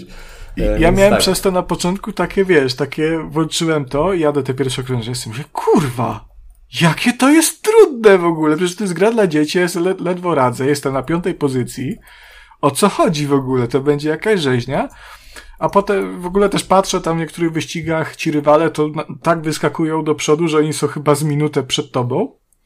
I sobie myślę, ja pierdzielę, no to w ogóle masakra. A potem jest takie, a, okej, okay, aha, dobra, to jest, to jest sztuczne, to jest udawane, super. Nie? Ale też to działa w drugą stronę, że na przykład masz, wiesz, rewelacyjny start, zbierasz te, te przeszkadzajki, driftujesz, napełniasz ten pasek turbo, doładowanie takie, po prostu wszystkie zakręty wchodzisz na ręcznym perfekcyjnie i, i, i to ci nic nie daje, bo cię gość wyprzedza po prostu bez większego problemu mm. i masz takie, po co, co, co, po co ja się tu w ogóle staram, co to się wydarzyło i tak musisz czekać do tego trzeciego okrążenia, żeby się wysunąć na to prowadzenie. Także to jest, to jest wredne i to jest nieprzyjemne. Mm, no bo masz takie. No, no to zaczyna wchodzić w rutynę po prostu. Się mniej ekscytujesz tymi wszystkimi wyścigami, bo wiesz, jak to się skończy. E, także to, to, to przeszkadza. Teraz mi się jeszcze kolejna ciekawa mechanika przypomniała z Aha. tym, wiesz, że, że, są, że są te takie e, suche trawy, czy co tam jest w tym, w na tych trasach. Takie, Gdzie się zatrzymujesz. Tak, co cię bardziej no. spowalnia, no. ale jak sobie w otwartym świecie to wykosisz, to tam zasadzone zostaną takie kwiatki, które ci dadzą turbo podczas tego wyścigu. Także to jest kolejna. Poważnie taka... tak jest? No, nie wiedziałeś? Nie. No to nawet był jakiś quest taki samouczkowy, poradnikowy, że tam dostajesz kosiarkę w pewnym momencie i, i ona kosi je. Ja nie mam żadnej kosiarki w ogóle. No musiałeś dostać. Jest taka, taka, ja. taka e, jak sobie je wykosisz, to tam się kwiatki zasieją i później będziesz miał turbo na, na, tych, na tych wyścigach właściwych. chyba, że ja teraz zmyślam, no, wydaje, wydaje mi się, że tak, tak, tak było, tak było. E, więc to taka kolejna mechanika. No te wyścigi dla mnie też są za krótkie po prostu, bo one trwają tak 2-3 minuty to, to, to max. Mm, no i ten, ten wszechobecny chaos i też ich ta formuła, o czym już wspominaliśmy, jest taka, że, że, że no, krót, krótko jest i za mało emocji w pewnym momencie się po prostu. Tam w zasadzie tych wyścigów to jest ile? Eee, nie chcę policzyć teraz. 27? Bo masz 24 te zwykłe, trzy puchary i ten jeden finałowy. Mm -hmm. No ale to też czasami jest tak, że żeby zdobyć tam jakieś punkty doświadczenia, to musisz przejechać jeszcze raz. Yy, też możesz sobie, wiesz, jak to, skończysz to klasę, tak. jak skończysz klasę C, to później ten sam wyścig możesz przejechać na klasie B na przykład, więc to też. Um... Ale dalej to jest ten sam wyścig, nie? To, to, to no, ja bym tak, tego nie tak. liczył, że to jest dużo wyścigów, tylko no wciąż, no to jest 27 tras, no niby w sumie dużo, ale... No ale też te trasy jak na grę, jak na grę w otwartym świecie to jest mało. Nie, bo ja tam już nawet tak, ten wiesz... Net for Speed Underground tam miał po 111 różnych wyścigów, różnych tras, nie? Także troszkę lipka. Ale no, jeżeli znudzi się wam, bo myślę, że tu o singlu nie ma już, już zbytnio do, wiele do gadania, chyba, że chcesz coś jeszcze dodać. Um, ale Kuba, może byś wolał powiedzieć, jak ci się podoba tryb sieciowy? Tryb sieciowy, graliśmy, rewelacja. E, tryb sieciowy jest. Jest, tak. Nie, no jest opcja tego, żeby sobie razem po prostu jeździć w otwartym świecie, tylko nie do końca wiem po co, bo zawsze, nie no, jako taki, takie tło do pogaduszek to nam się sprawdzało, co nie? Tak jeździliśmy w kółko. Tak, o życiu. Tak. Gadaliśmy, gadaliśmy głupoty. Kacpra obawialiśmy tam cały czas przecież, bo to najlepszy temat zawsze. Także, także takie jako tło to spoko. Można sobie takie po prostu wyścigi pojeździć e, jeden za drugim randomowo, to, to z przyjaciółmi lub po prostu z innymi graczami tak e, online globalnie. E, no i też są puchary, czyli to samo co wyścigi, tylko że w formie pucharowej, czyli musimy ich tam przyjechać, nie wiem, 4, 5, żeby się te wszystkie punkty na koniec zsumowały i kto tam najlepszy się stał na świecie. No, no, no jest, no okej. Okay. No i to wiem. też to można robić jak samotnie, w, jako singlowe tryby. Tam jeszcze jakieś minigierki są, ale tego nie sprawdzałem osobiście jeszcze. No to to są te same minigierki, co chyba z tych, e, tak jak rzuciłem na to okiem, to po prostu mm, z tych zadań takich dodatkowych, fabularnych, czyli to rozjeżdżanie szkieletów i tak dalej. To nic, nic też mm, nic na tyle ciekawego, bo, bo z tego Lego można dużo rzeczy yy, ciekawych, tych minigierek szczególnie można by tam ogarnąć, ale, ale tego, tego, tego nie ma. Więc no ten online, jeśli ktoś liczy na to, na to takie wspólne ściganie się, to, to bardzo szybko wydaje mi się, znudzi się tym. E, już lepiej się sprawdzi gdzieś tam po prostu w takim kanapowym wydaniu, że no jak to każda taka gra, gdzie się tam można porywalizować, pośmiać i spędzić tą godzinkę, góra dwie na takiej, na takiej aktywności, na takiej zabawie. Nic, nic, nic specjalnego. No, ale jeszcze jest kolejna atrakcja, największa atrakcja całego przecież Lego, która chyba mnie najbardziej rozczarowała. Mnie też. Czyli budowanie, budowanie pojazdów. Bo tak to był taki zawód. jak sobie gadaliśmy o mm, no tym już starutkim, bardzo starutkim e, Lego Racers, to właśnie no tam to budowanie było, ale było takie skromne, no bo wiadomo, że możliwości były inne, a tutaj nagle dostaliśmy, prawda, potencjał, dostaliśmy wszystko, masę klocków, masę mm, jakby nowych dróg do budowania, bo to, to no, te Różne pojazdy. są, nie? Tak, te pojazdy, które są wygenerowane przez, przez twórców, to one wyglądają świetnie. Tam naprawdę są różnorodne i, i z pomysłem, i z tematyką. No, nie, nie wiem, no dzisiaj miałem, co, co to dzisiaj jeździłem takim co, cyklem jakimś w ogóle potężnym. McLaren który... jest w ogóle. No tak, licencjonowany, także one wyglądają świetnie, a później, no nie wiem, może ja tak mam, bo ja nie mam po prostu też talentu, zmysłu artystycznego. Odpaliłem ten kreator, posiedziałem w nim pół godziny, 40 minut, zmęczyłem się jak cholera, stworzyłem wehikuł, który jeszcze w tym kreatorze jako tako wyglądał, ale jak go dostałem na mapce po prostu i zobaczyłem jak on się z tyłu prezentuje, no to taka, taka mydelniczka. Chciałeś po prostu stworzyć Peugeota w kabrie, tak? Swojego wymarzonego, tak. a wyszło jak zawsze. Wstyd mi w tym było jeździć. No, żeby się tym rozkoszować, to trzeba by naprawdę kilka albo kilkanaście godzin poświęcić na na po pierwsze zbadanie wszystkich możliwości, bo tych klocków jest ogroma, od groma, zakładek. Yy... No, trzeba to Że... znać, żeby wiedzieć, jak budować. No, na takiej zasadzie. Mm, no żeby nie też... było, to jest samo w sobie jest super, bo ten kreator pozwala na naprawdę dużo możliwości na stworzenie swojego samochodu obklejenie go jak chcemy, pokolorowanie, także dla, dla takich dzieciaków no myślę, że to będzie super, nie? Gdzie, gdzie nie ma że jakichś tam obowiązków, że trzeba obiad ugotować, yy, kota nakarmić, do pracy pójść, coś tamtego, tylko wracasz ze szkoły, z przedszkola i jedziesz, nie? Zrobisz sobie samochodzik, ten czas też inaczej płynie. No ale w przypadku takich starych ramoli jak my, jak ja i Kuba, to no to jest upierdliwe, zwłaszcza, że to ten interfejs i to jak się te klocki nakłada jest tak kurwa nieintuicyjny, że to jest jakaś masakra tam. No trzeba no, się, się tego po prostu nauczyć. No. Ja trzy klocki postawiłem i mi się odechciało. Stwierdziłem, że nie mam na to czasu i, i te autka inne mi się jednak bardziej podobają niż to, co no ja No właśnie to jest ten, ten ból taki, że masz taką tak, świadomość tak. tego, że nie jesteś w stanie zrobić sam czegoś lepszego, prawda? Ja bym bardzo chciał, ale nie ma szans. Nie mam na tyle czasu, żeby tam siedzieć i e, i się tym bawić. No bo stworzę takie jedno autko, pojeżdżę nim i mi wpadnie nowe, będę chciał je sprawdzić zaraz, nie?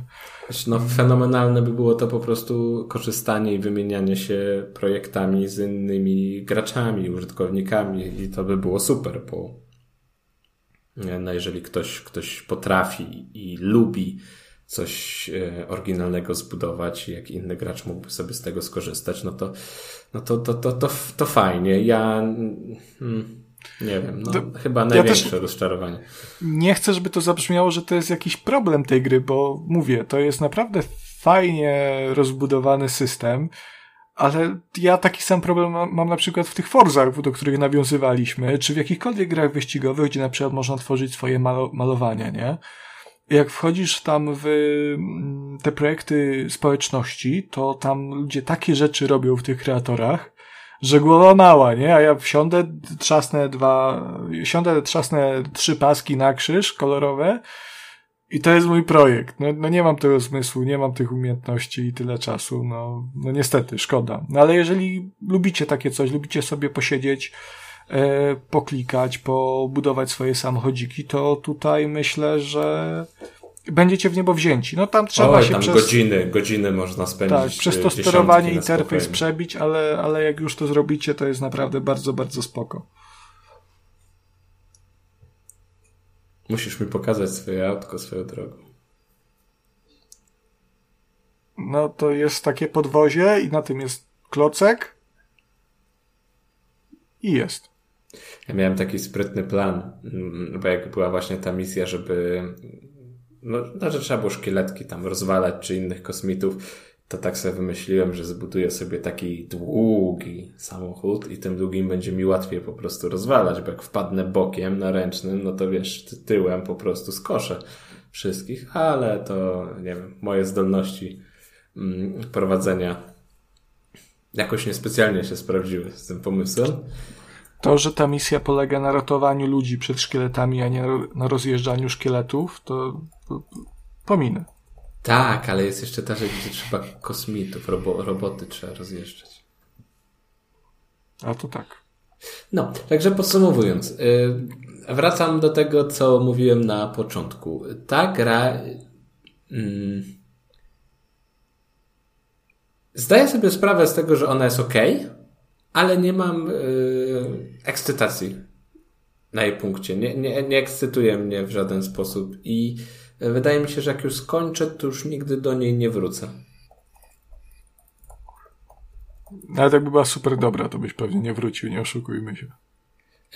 no ale widzisz, do Forcy się wracało jednak ja wracam przy dodatkach i tyle. Skończyłem ostatni, drugi dodatek, e, drugi zaplanowany i ostatni tym, tym samym. Już do niej nie wrócę pewnie. A ja sobie jeszcze, no nie mówię, że teraz, ale grałem, prawda, wtedy akurat i, i skończyłem tę, no powiedzmy, linię fabularną, no to miałem tak, że jeszcze, a tu sobie samochody te stare znajdę, a tu sobie to zaliczę, a to te wszystkie trasy gdzieś tam e, postaram się e, odkryć, także chciało się. Mm, a tutaj, tutaj jednak nie. A jeszcze jedna rzecz, którą chciałbym poruszyć i to może Ta recenzja się nie skończy. Jak FIFA, dość kontrowersyjna. No ja już zdążyłem zasnąć, obudzić się i zasypiam znowu, także... Yy, lepiej grało mi się na myszce i na klawiaturze niż, niż na padzie. Więc to jest dla mnie w ogóle fenomen, bo... Ty jesteś pecetowym zwierzęciem i dlatego. Bo słuchaj, myszką się gra tak, że pod y, lewym myszkiem masz chyba turbo, pod prawym myszkiem Kasper, masz wyłącz go, kurwa, proszę i rolka to jest puszczanie ataków i mi się w ten sposób dużo lepiej grało niż, niż, yy, niż na padzie, bo wydaje mi się, że bardziej mnie te wyścigi właśnie angażowały, jak sobie grałem na, na myszku i na klawiaturze. No ale to taki... Ale ty masz pada od Switcha, to o czym my rozmawiamy. No ale co, co ci pada? Przeszkadza pad od Switcha? Bardzo dobry pro controller, no. Super. A i problemy techniczne jeszcze miałem takie wredne na początku, że... Yy... Kuba... Już dobrze, nieważne. Z całym szacunkiem, ale kurwa, daj już spokój. Kacper mnie dzisiaj nienawidzi. Grasz, jeździsz autami Lego, buduje się auta, kurwa już wszystko stare wiemy. Jest ludzik jest Wojciech, który lubi słodycze. Zapamiętałem Wojtek, wszystko. Wo... Grześ jest, jeszcze Grześ jest. Grześ, był Grześ. No już nieważne. I skacze się spacją. Jak na grę, która się kubie tak niezbyt podoba, niezbyt go zachwyca, to ma wiele, wiele do opowiedzenia o niej i cały czas, a jeszcze to, jeszcze to. No ale jakie Dobrze. miałeś, to już powiedz, no czekaj, to zaczął, daj mu skończyć. Jakie miałeś te problemy techniczne? To jest ważne. Się z punktu widzenia. w okienku odpalało, a jak nie w okienku, to rozdzielczość miałem złą i się psuła rozdzielczość i musiałem tam w Steamie wpisywać takie rzeczy przy uruchamianiu, że a, już nieważne. No widzisz, kupujesz na konsoli, ja grałem na PlayStation 5, 4K, 60 FPS-ów, stabilne, elegancko, wszystko śmiga, zero problemów. No też byś sobie kogo kupił porządny sprzęt, a nie tam jakiego no, RTX-a. 390 przestarzałego zresztą. No, a za klucze do Lego dziękujemy y, wydawcy firmie Cenek. Dziękuję. Słuchaj, po takich dziękuję. podziękowaniach to naprawdę... No to z no, siebie także... możesz być zadowolony i dumny, Kasper. No ty do tego doprowadziłeś. To była, proszę Państwa, nie, niezmiernie wyczerpująca recenzja Lego 2K Drive. Wręcz po prostu to jest taki ręcznik, który został tak wyciśnięty przez chłopaków. Ale na szczęście. Kubę, że już po prostu nie ma tam kropli wody w nim, nie? Jest po prostu wręcz szcz... wysu, już taki sztywny się zrobił od tej suchoty. Na szczęście widać już koniec tej recenzji na horyzoncie. Tak, na horyzoncie Forbidden West, Burning Shores. E, ponieważ... Bang! Boże, o DLC będzie opowiadał. Kogo obchodzi DLC? Pięknie to nam wyszło. E, Horizon Forbidden West, czyli Horizon drugi, ale nie ten od Forzy, tylko ten mm, Horizon od PlayStation E, doczekał się dodatku, dużego dodatku fabularnego, podobnie jak Horizon Zero Dawn doczekało się The Frozen Wilds. Działa to zresztą na bardzo podobnej zasadzie, ale jak możecie domyślić się po tytule, e, no tutaj już nie będzie mroźno, tylko będzie ogniście. Kumacie, bo Frozen było, a teraz jest Burning. Nie? To, że Frozen, że zamarza, a Burning, że płonie. Trzeba angielski znać, żeby Żart taki ten. No i co, i miło ci teraz? no, słuchaj, no, nie pierwszy raz ktoś się nie śmieje z mojego żartu. E, ale tak. E, co najważniejsze to jest to, że e, DLC przynosi nas do, na, na nową część mapy, do nowego regionu, którym jest y, Los Angeles, a właściwie to, co po Los Angeles zostało, ponieważ e, tak jak E, za każdym razem wspominam. Horizon przynosi nas do mm, futurystycznego jednocześnie postapokaliptycznego świata, więc tutaj jakby mm, wszystko jest rozsypką, ale są cały czas te nasze maszyny, więc jest to też zaawansowane w jakiś sposób technologicznie. E, mamy więc napis Hollywood, który jest już tam zarośnięty, trochę poniszczony, ale jest. E, jest to nowa, piękna lokacja, bardzo faktycznie malownicza e, cieplutka, aż się tam po prostu by chciało e, rozłożyć kocyk, wziąć drinka w kokosie e, i, i enjoyować swój czas. No niestety nie jest nam to dane, ponieważ Aloy lecąc na, e, na właśnie do, do Los Angeles mm, e, dostaje szczała i, i, i spada e, na spada na plażę, gdzie spotyka swoją e, nową koleżankę, która jest właściwie tak naprawdę E, no niestety jedyną wyróżniającą się postacią z tego DLC. E, nazywa się ona Seika. Mm, e, okazuje się, nie chcę zdawać się w szczegóły, natomiast okazuje się, że bohaterki mają podobny cel, powiedzmy, więc muszą połączyć siły. Chyba wiem o co chodzi. Widziałem na Twitterze. Konradzie. Prosiłbym o zachowanie pewnego poziomu tej dyskusji. E, I od razu uprzedzam, nie, nie patrzyłem, czy Aloy ma włosy na twarzy w trybie foto, bo, takie, bo takie pytanie padało przy jakimkolwiek wspomnieniu Horizona. Nie patrzyłem, nie wiem, czy przytyła od pierwszej części, czy od drugiej, nie zwróciłem na to uwagi. Ehm, nie podchodzisz taki może, może jak jest, jak jest Burning Shores, to może i opaliło te brody, może. Już nie ma. To takie rzeczy trzeba no, no, zdecydowanie Dobra. trzeba. Żart z brody Aloy odhaczony, cyk.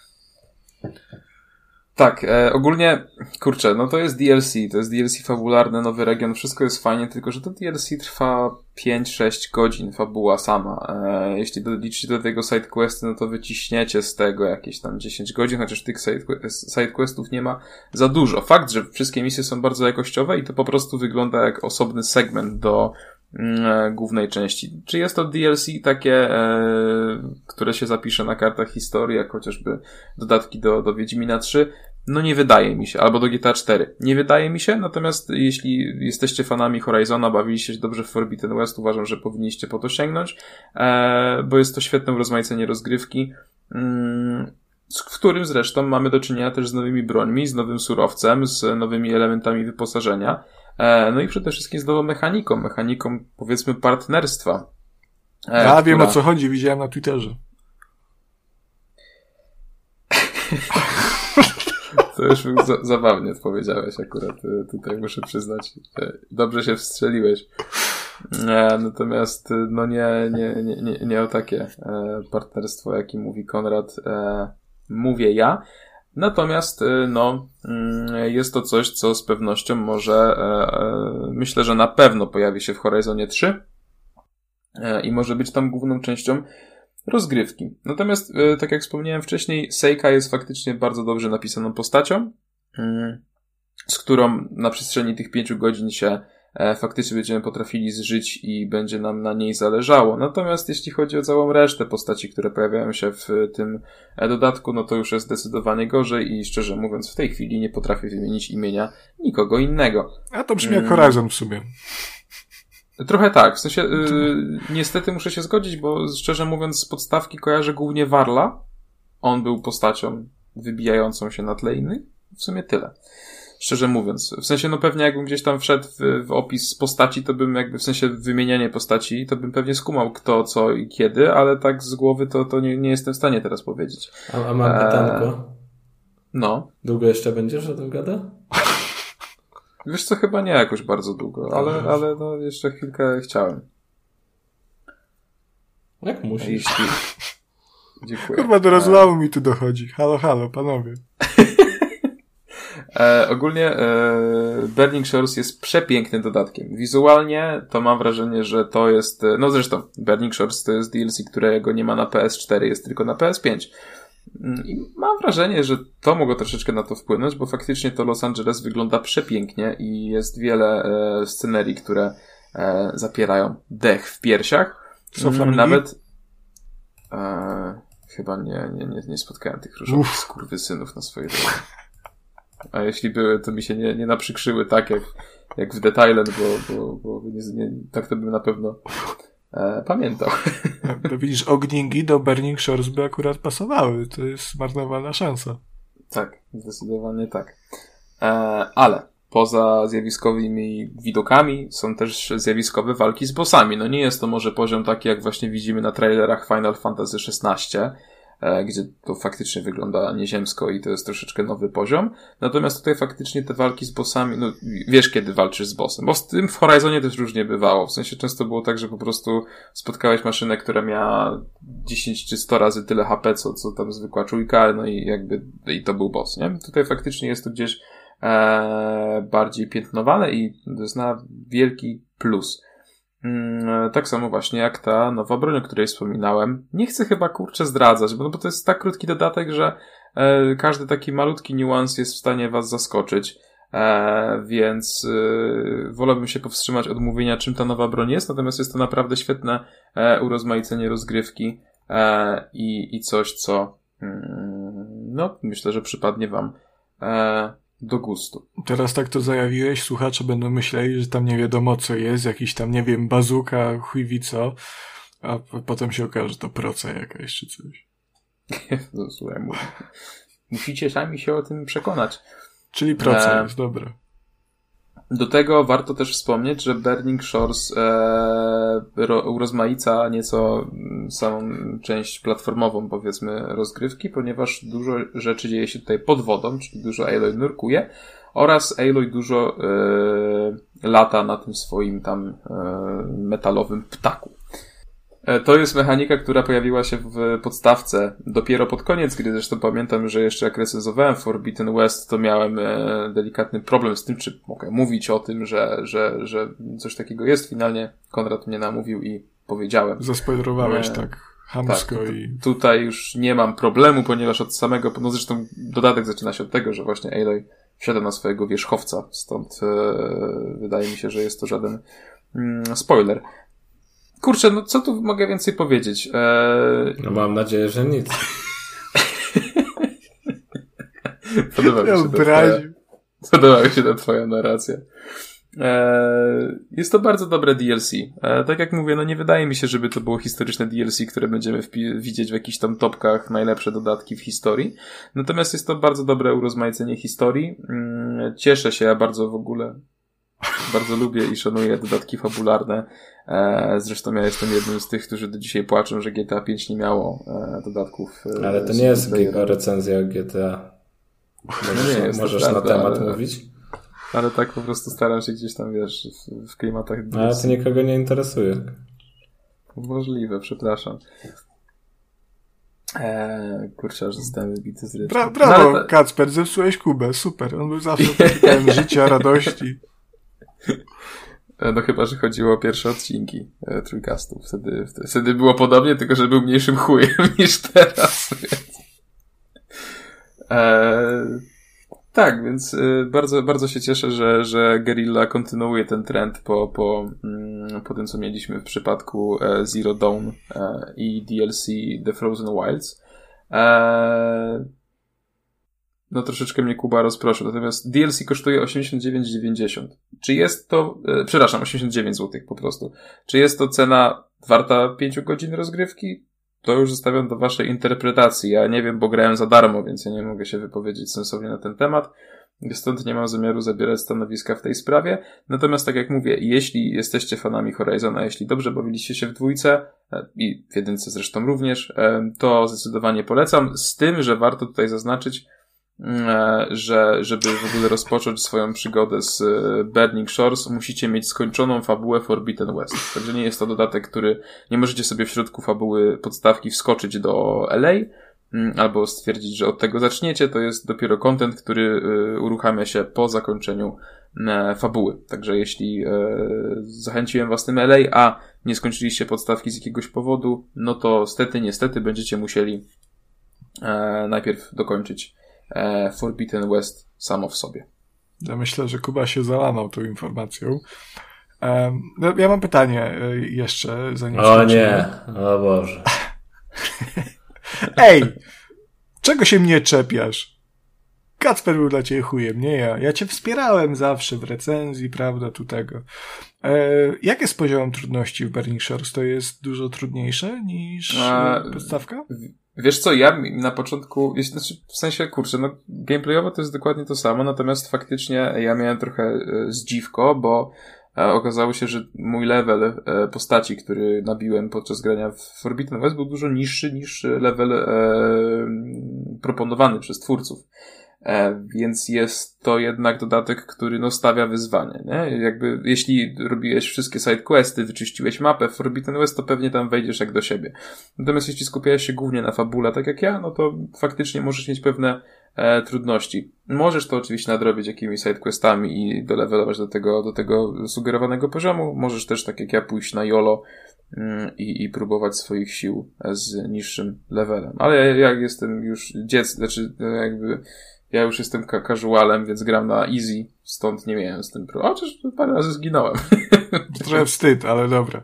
Ja właśnie pytam z tego względu, że pamiętam, że The Frozen Wilds do jedynki, e, tam był właśnie przeskok poziomu trudności dość zauważalny i odczuwalny. E, tu bym powiedział, że jest podobnie. W sensie, no, stąd też chyba, znaczy, no na pewno, stąd też y, jest ten wymóg, że musisz najpierw skoczyć podstawkę. Ja też na początku miałem, nie ukrywam, trochę kłopot przez to, że w, w Forbidden West grałem, no już ponad rok temu, mm. jeśli się nie mylę, tak? Tak. Tak, dobra, proszę. W marcu wyszło, w lutym? w lutym chyba, tak, tylko zgupiałem czy tego roku, czy poprzedniego. E, poprzedniego, no to po prostu jakoś już minął ponad rok, no to faktycznie gdzieś tam zapomniałem tych mechanik i tak dalej. I jak za pierwszym razem wystrzelałem wszystkie strzały, jakie miałem, to takie, o, co teraz, nie? E, ale faktycznie, jeśli przypomnicie sobie, jak to wszystko działa, funkcjonuje, no to myślę, że sobie poradzicie nawet z, e, z tym niższym poziomem niż sugerowanym. E, więc, więc tak ciężko jest mi wytypować szczególne wady tego dodatku. Są pomniejsze błędy, ale to jak w, w każdym open worldzie obecnym. No ale to, to nie są nie takie... interesuje błędy. Chyba czekałem na to.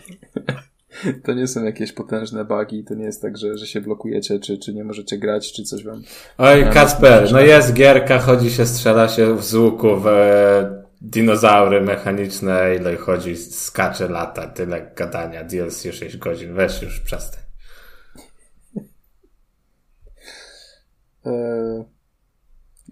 Ty, dobrze, jakby skończę, więc natomiast jeszcze tylko chciałem e, taką adnotację, jeśli ktoś nas słuchał z odnośnika do Burning Shores, bo miał e, nie był zainteresowany wyścigami klocków Lego, albo się poddał, jak zobaczył, że ta recenzja trwa 58 minut, to Kuba jest obrażony, ponieważ e, ja... Kacper szkalował jego recenzję po, Lego 2K Drive.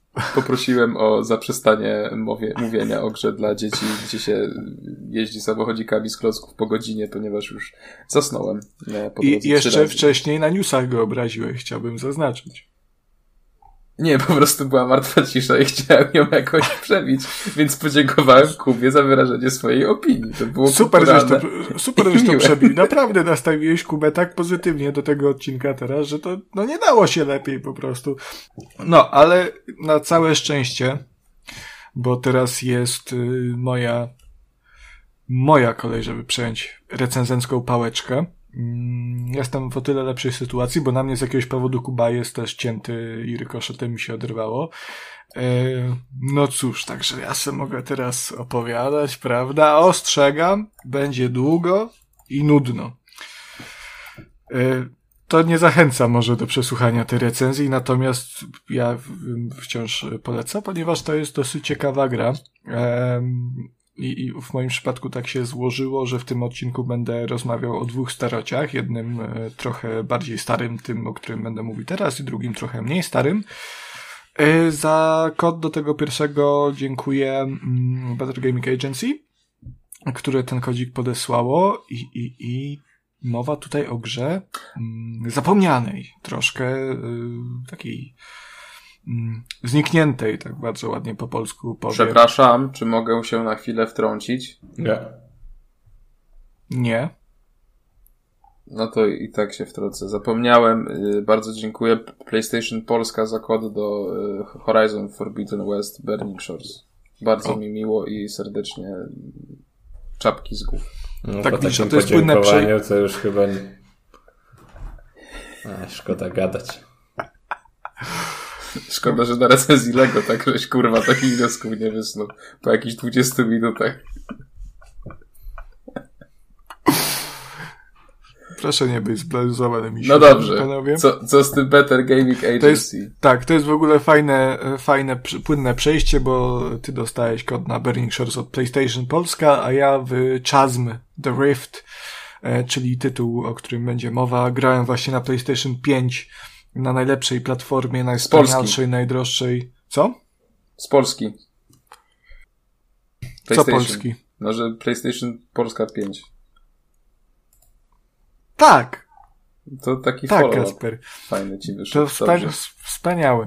W każdym razie, e, czym jest Chasm the Rift? E, nie zdziwię się, jeżeli nie słyszeliście nigdy o tym tytule, chociaż jest to tytuł leciwy, on już w zasadzie jest starszy od Kurwa, Kacpera. robisz stary wszystko, żeby słuchacze w tej chwili wyłączyli ten podcast.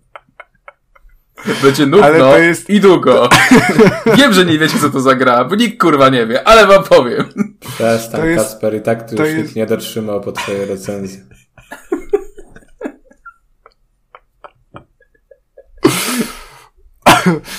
To jest Kacper ważne. Z punktu widzenia historii tej gry, o której zamierzam opowiedzieć. Zabiorę was w piękną podróż do 1997 roku. Ale bym sobie o FIFA posłuchał. Yes. Kuba, czy ja mogę powiedzieć o czasu? O takiej, o takiej 2022, jak tam się. Trawa już niedługo, już niedługo będzie Kubuś EA Sports FC, ale będzie, będzie gadane.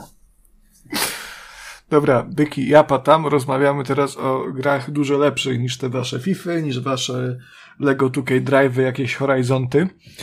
Chasm the Rift ukazało się oryginalnie w 1997 roku, e, wyprodukowane przez ukraińskie studio, nie pamiętam jak ono się nazywa.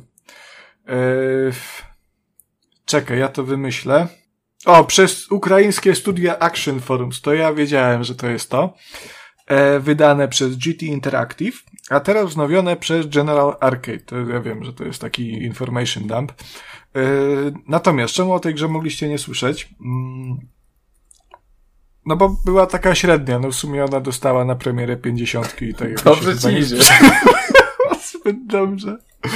Ale stoi za nią ciekawa historia, prawda, bo GT Interactive, czyli ówczesny wydawca Chasm the Rift, rok wcześniej wydał na świat wspaniałego Quake'a od id Software, który zmienił gaming, prawda, i w ogóle było zajebiście tam.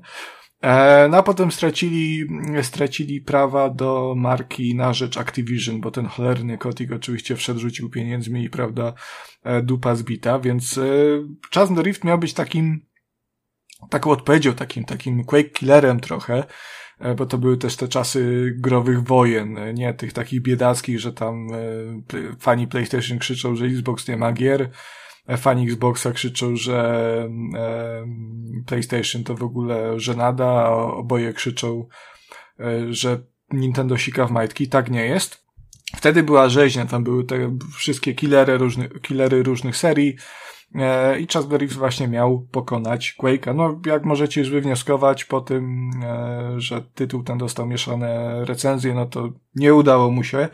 Na długie lata zaginął w, w czeluściach czasu i teraz powrócił właśnie mm, dzięki General Arcade nie tylko na PC-tach, bo to oryginalnie wyszło tylko na PC-tach, w końcu to jest um, pierwsza osoba strzelanka z lat 90., ale także na konsolach. I ja właśnie na tym PlayStation 5 grałem.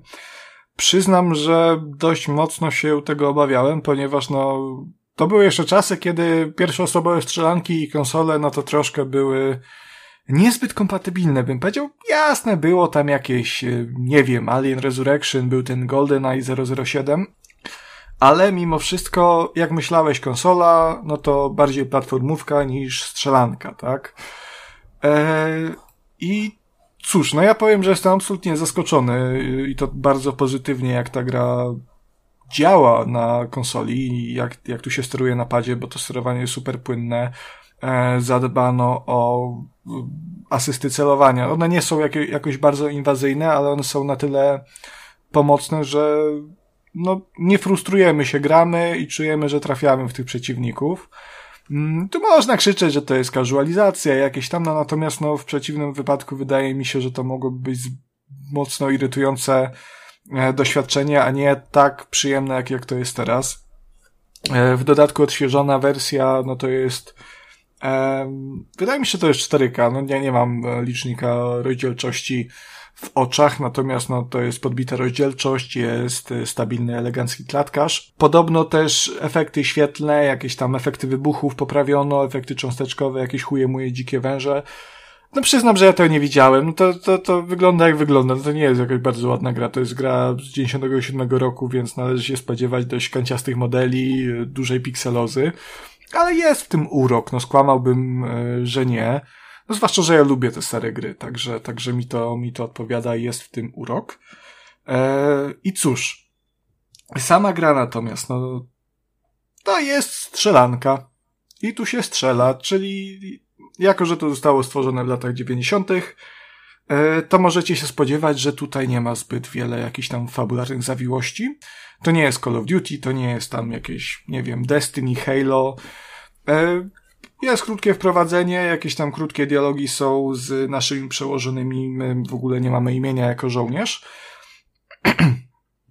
Straszną chrypę mam, przepraszam. E, dostajemy broń. Tłumaczą nam, że kosmici najechali Ziemię i to nie tylko w różnych zakątkach świata, ale także w różnych e, punktach na linii czasu, także e, będziemy się w trakcie przygody cofać w czasie do starożytnego Egiptu na przykład. Dostajemy łapę w broń, idziemy zabijać po prostu. To jest tyle, o to chodzi, o strzelanie. Strzelanie jest natomiast całkiem przyjemne. Poniekąd właśnie, właśnie dzięki tym asystom, o których wspominałem, masochiści w ogóle na PlayStation 5 mogą celować przy pomocy żyroskopu. Nie polecam, ja to wyłączyłem od razu. Ale jak ktoś chce, e, to proszę bardzo. No, to jest bardzo szybka gra, to jest klasyczny, klasyczny FPS, dzisiaj byśmy to nazwali boomer shooter. Natomiast jako, że to pochodzi z lat, kiedy to był po prostu FPS, no to ciężko mówić o boomer shooterze tak naprawdę. Mm, szybkie tempo akcji, y, dość przyjemne strzelanie. Poziom trudności nie jest zbyt wysoki akurat tutaj, to jest dos, dosyć prosta gra. E, zginąć można w zasadzie wtedy, kiedy twórcy pogrywają z nami troszkę nie fair, na przykład przeciwnika e, ustawiają gdzieś zaraz za rogiem, także jak wyjdziemy, to od razu dostajemy czapę, e, albo przełączymy jakiś przełącznik i wyskakują nam, nagle się otwiera ściana, bo było ukryte przejście, a tam dwóch skurczysynów z karabinami i nam zabierają połowę życia. E, to jest jedna niestety z tych gier i wydaje mi się, że to mogło być powodem mieszanych recenzji. Mm, klasycznie dla gier z tamtych czasów e, poziomy to są labirynty. E, niestety też dosyć nieczytelne i to jest w ogóle, to mnie strasznie bolało, bo człowiek by pomyślał, że jeżeli mamy możliwość skakać w czasie, jak na przykład w Sirius Samie kilka, no nie kilkanaście, kilka lat później, E, to te lokacje będą ciekawe i ładne, a tymczasem okazuje się, że Chasm Drift to są w zasadzie bliźniacze korytarze, ciemne i, i w zasadzie nie wiadomo, gdzie się idzie i po co szuka się tych poukrywanych przełączników i jak przejść do końca poziomu. E, takie czasy to niestety były, no dzisiaj to boli. Wydaje mi się, że wtedy mogło to boleć trochę mniej. Mm, są jakieś troszkę ładniejsze te lokacje, czasami jakie, jakieś większe, większe pomieszczenie z rzeźbami, z malowidłami. No ale przez większość czasu niestety, niestety to są te korytarze i, i nie wygląda to zbyt fajnie. Łatwo się zgubić. Mamy mapkę, natomiast no, ona się rysuje na bieżąco i czasami też e, trudno jest odczytać, gdzie pójść dalej. Jeżeli chodzi o takie rzeczy już klasyczne, bo to w zasadzie mógłbym tutaj skończyć tę recenzję, ale tak jeszcze, żeby tu tutaj Kacpra i Kubę troszkę po, pomęczyć, to jeszcze opowiem, że jest osiem typów broni.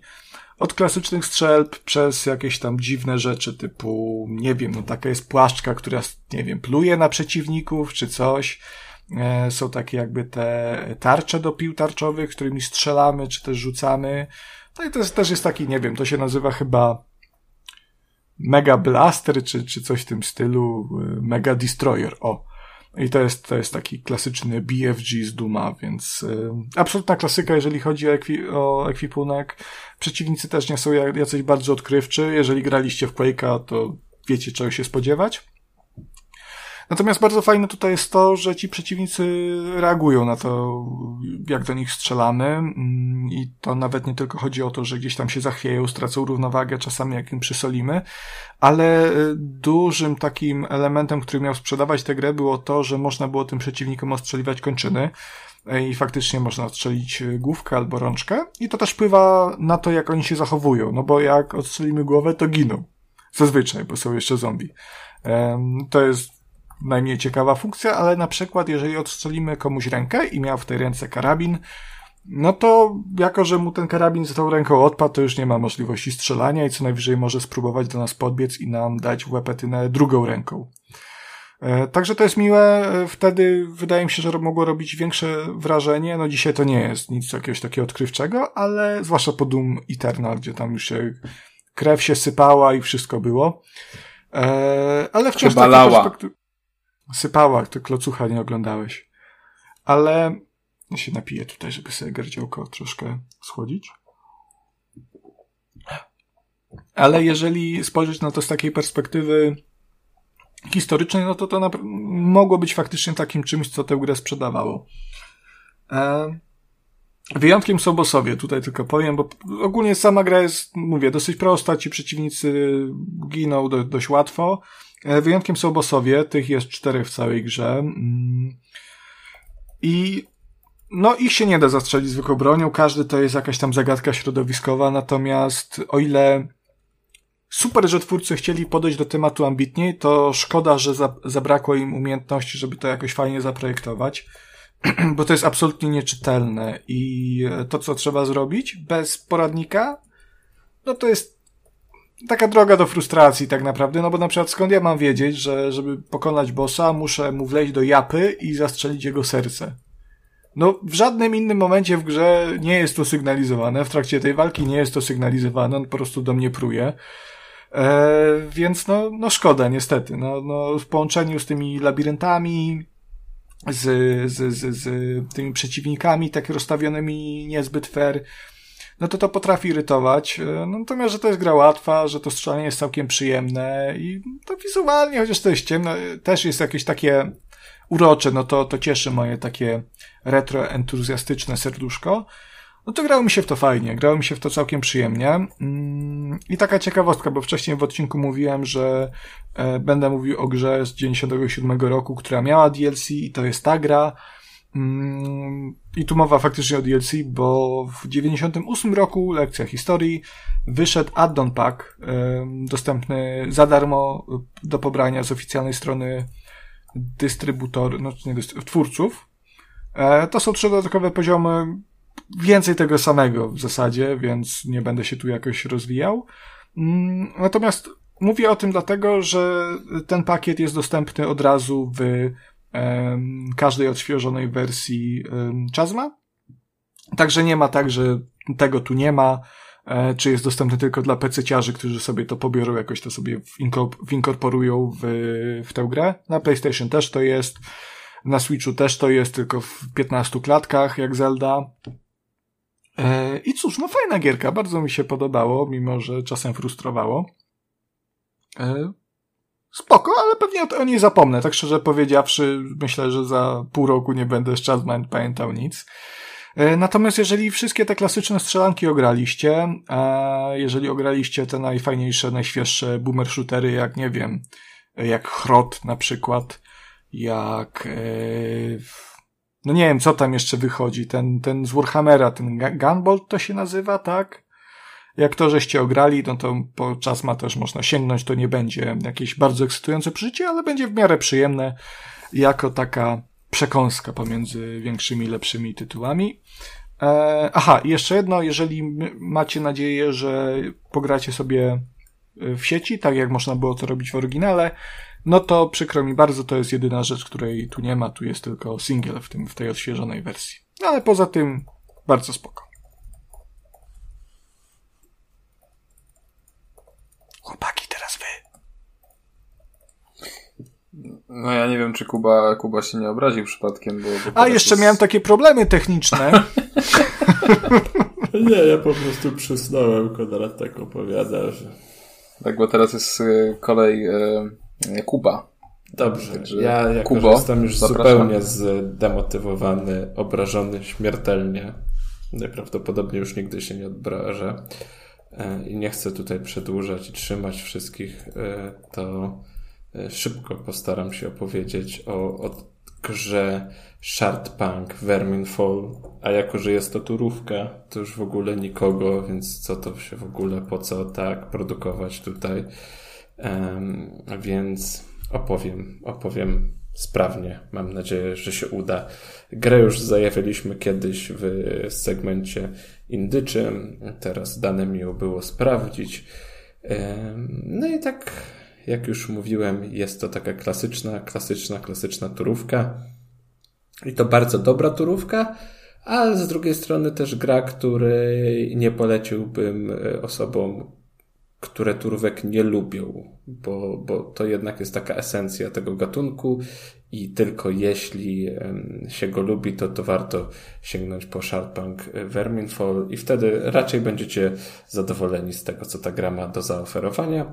E, a rozgrywka przedstawia się tak, że jest podzielona na dwa etapy. I tutaj twórcy już w opisie gry wyraźnie zaznaczyli, że taką główną inspiracją to był e, seria XCOM, czyli to od tej strony takiej, takiej tych typowo turowych starć e, i Darkest Dungeon, czyli tutaj troszkę takie dochodzą elementy zarządzania drużyną, czy też tam poziom stresu, który występuje.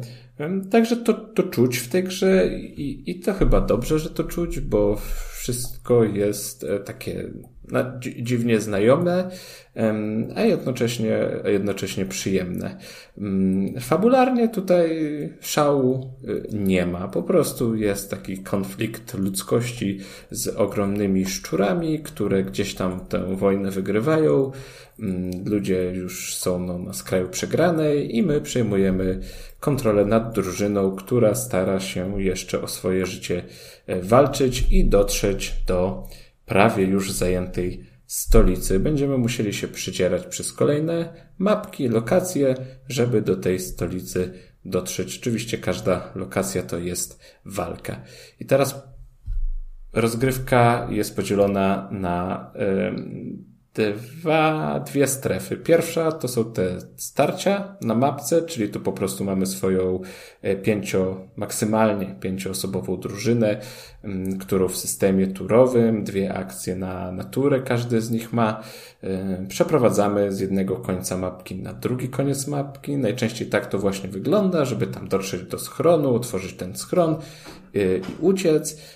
Po drodze oczywiście walczymy ze szczurami, które wychodzą z wielu miejsc, nie zawsze wiemy, gdzie one dokładnie są, potrafią nas zaskoczyć od czasu do czasu, e, więc zawsze trzeba być przygotowanym na to, że te szczury skądś tam gdzieś mogą wyjść. Mm, cały czas poruszamy się w trybie turowym, nie ma tutaj czasu rzeczywistego i takiego przełączenia na tą turową warkę już w momencie, gdy zobaczymy przeciwnika, także każdy ruch to musi być tak zaplanowany, żeby się znaleźć za osłoną, w dogodnym miejscu w razie niespodziewanego ataku, także w sumie musimy myśleć e, non-stop. Mm, po drodze zbieramy jeszcze różnego rodzaju surowce i materiały, które przydadzą nam się tej drugiej fazie rozgrywki, o czym opowiem później. No i tak, no i tak to przebiega. Te szczury wyłażą, one są różne, są takie podstawowe, które biegną tam z nożem na ciebie i wystarczy, że jednym strzałem je położysz. Są takie potężne, które mają zbroję i trzeba w nie tam ostro pakować, żeby padły. Są wybuchające, są zatruwające, więc jest w co postrzelać i gdzieś też wpływa to na taktykę, którą obejmujemy w trakcie gry. Jeśli chodzi o naszą drużynę, to też każdy bohater jest inny, posiada inne zdolności, inne bronie, czyli nie możemy mieć panią, która walczy wręcz, świetnie z doskoku posługuje się kataną, tnie te szczury na prawo i na lewo. No jest pan snajper, który gdzieś tam ściąga wszystko i wszystkich z dystansu. Także tutaj też, w zależności od tego, jakich członków do drużyny sobie wybierzemy, tak ta rozgrywka będzie, będzie wyglądać. No i to też pozwala nam na zachowanie tej naszej takiej indywidualnej taktyki i granie w sposób, w taki sposób, jaki najbardziej nam mm, odpowiada. Yy, bardzo ważne są granaty w tej grze, także też warto zbierać granaty, warto ich używać umiejętnie i tak planować rozgrywkę, żeby yy, jak najlepiej działała. Oczywiście wszystkie umiejętności, które potrzebują tam kilka tur na odnowienie się, one też tutaj są na wagę złota. Jedne mniej, drugie bardziej przydatne, ale warto z nich korzystać i trzeba z nich korzystać, jeśli chce się umiejętnie e, poprowadzić swoją drużynę. Mm, no i też jest taka bardzo wyróżniająca mechanika, na którą trzeba zwracać uwagę i trochę mi zajęło przyzwyczajenie się do niej, czyli po prostu nie przeładowywanie broni, tylko chłodzenie broni. Tutaj po prostu po mm, kilku strzałach, na początku to będą dwa, musimy schłodzić broń, czyli poświęcić na to punkt akcji. Jeśli tego nie zrobimy, to możemy strzelić, ale jest bardzo duże mm, ryzyko po prostu wybuchu tej broni. E, na skutek tego stracimy życie i to dość sporo, czyli może nam to po prostu wykończyć danego żołnierza. Także trzeba tego pilnować, trzeba na to zwracać uwagę i, i zawsze trzeba mieć to z tyłu głowy, że jeśli ta broń się zagrzeje, to musimy ją jak najszybciej schłodzić. Y, dróg do tego jest y, kilka, bo też bardzo ważnym członkiem drużyny naszej będzie robot. Oj, nie chcę teraz przekręcić nazwy, on się chyba nazywa Automaton, możliwe. To jest ta kulka taka żółta? Tak, ale też są inne po prostu, bo zawartość taką. Mm, No to jest taki podstawowy. Pozostałe możemy odblokować w trakcie, w trakcie rozgrywki. Tutaj te takie lekko roguelike'owe, mm, roguelite'owe, może bardziej pasuje elementy dochodzą, także po prostu jeżeli pierwsza drużyna nam gdzieś tam po drodze polegnie, to możemy sobie mm, wykupić innego, na przykład robota, już będzie inny czy odblokować innych żołnierzy, których po prostu będziemy mogli dodać do swojej y, drużyny. Także to też on ma ważne, ważne swoje zadania na polu bitwy. Przede wszystkim otwiera nam bunkier, który prowadzi, y, a nie, przepraszam, bunkier chyba każdy może tworzyć, ale on otwiera różne skrzyneczki i ulepszenia zdobywa, także on też tak, mm, no troszkę jest oddzielnie od tej całej drużyny ale może też ten właśnie żółty, ten kulek podstawowy pomóc nam chłodzić broń. Jego rozmieszczenie jest ważne. Trzeba mm, się nad tym skupiać. No i co? I tak sobie tniemy te potworki, te szczury, zbieramy i jeśli już dobrniemy do końca, bo to też jest taka mm, gra, taka turówka, że rozgrywka nie polega na tym, że musimy wybić te wszystkie szczury, bo one już pod koniec to będą po prostu wychodziły w takich ilościach, że nie będziemy w stanie ich wszystkich pokonać. Musimy uciec, czyli dochodzimy do tych drzwi do bunkra, tam kilka tur będziemy musieli poświęcić na ich otworzenie i cała drużyna musi uciec, czyli też po prostu nie są tak aż bardzo ważne same ataki, co też umiejętne korzystanie z osłon, E, zablokowanie się gdzieś bardzo też e, istotny jest Overwatch, żeby używać, bo, bo tutaj no, może uratować tyłek niejednokrotnie, bo wszystkie obrażenia, wszystkie zużyte steampaki, mm, granaty, to wszystko jest dość kosztowne. Tutaj surowce, materiały, elementy ekwipunku, te przedmioty jednorazowe, to też jest bardzo, bardzo E, ważne i no, jeśli możemy je sobie zachować na później, to, to, to lepiej to robić. Oczywiście w takiej perfekcyjnej rozgrywce to najfajniej, jeśli nic nas nie trafi i nie zużyjemy e, żadnego z tych przedmiotów, ale nie zawsze się tak da, gdyż szczury potrafią zaskoczyć. Gra się ok, te walki są spoko, bardzo są wciągające, bo w sumie nie wiem, przejście takiej jednej mapki to jest 20, 30, może nawet powyżej 30 minut i ja w ogóle nie czułem, że ten czas tak szybko upływa, chociaż miejscami, gdzie musimy zbierać przedmioty, a, a tych szczurów jeszcze gdzieś tam nie ma, przeciwników na polu e, walki i tak po prostu przeklikujemy e, gdzieś tę drogę, to, to trochę miałem takie znudzenie po już kilkunastu misjach, więc to też nie jest wcale taka krótka gra, to też w zależności ile, jak poprowadzimy naszą drużynę, bo na tych mapkach możemy sobie wybierać, w którą stronę chcemy iść. Tam będą takie wyzwania, tam takie wyzwania, tu taki bonus, to też wszystko jest ruchome, e, zależy od naszych, naszych decyzji. Mm, ale jeśli gdzieś bym tak, nie wiem, w połowie powiedzmy gry przegrał i musiał zaczynać od nowa, to, to, to bym bardzo był niezadowolony z tego, z tego faktu. Też wydaje mi się, że troszkę się ta gra robi z czasem po prostu łatwiejsza. Nie wiem, czy wynika to z tego, że jej się uczymy i znamy mechaniki i wiemy, jak to wszystko działa, czy po prostu twórcy nie chcieli właśnie ryzykować tego, że w pewnym momencie stanie się gra za trudna, zaczniemy przegrywać i na takiej fali frustracji wiele osób ją po prostu odrzuci. A tam są jakieś poziomy trudności dla takich nubów jak ja, czy Wiesz co, y, nie, nie, nie. Poziomy trudności na pewno są, bo grałem na normalnym i wydaje mi się, że był jeszcze łatwiejszy i, i, i, i, i trudniejszy, mm, ale, ale...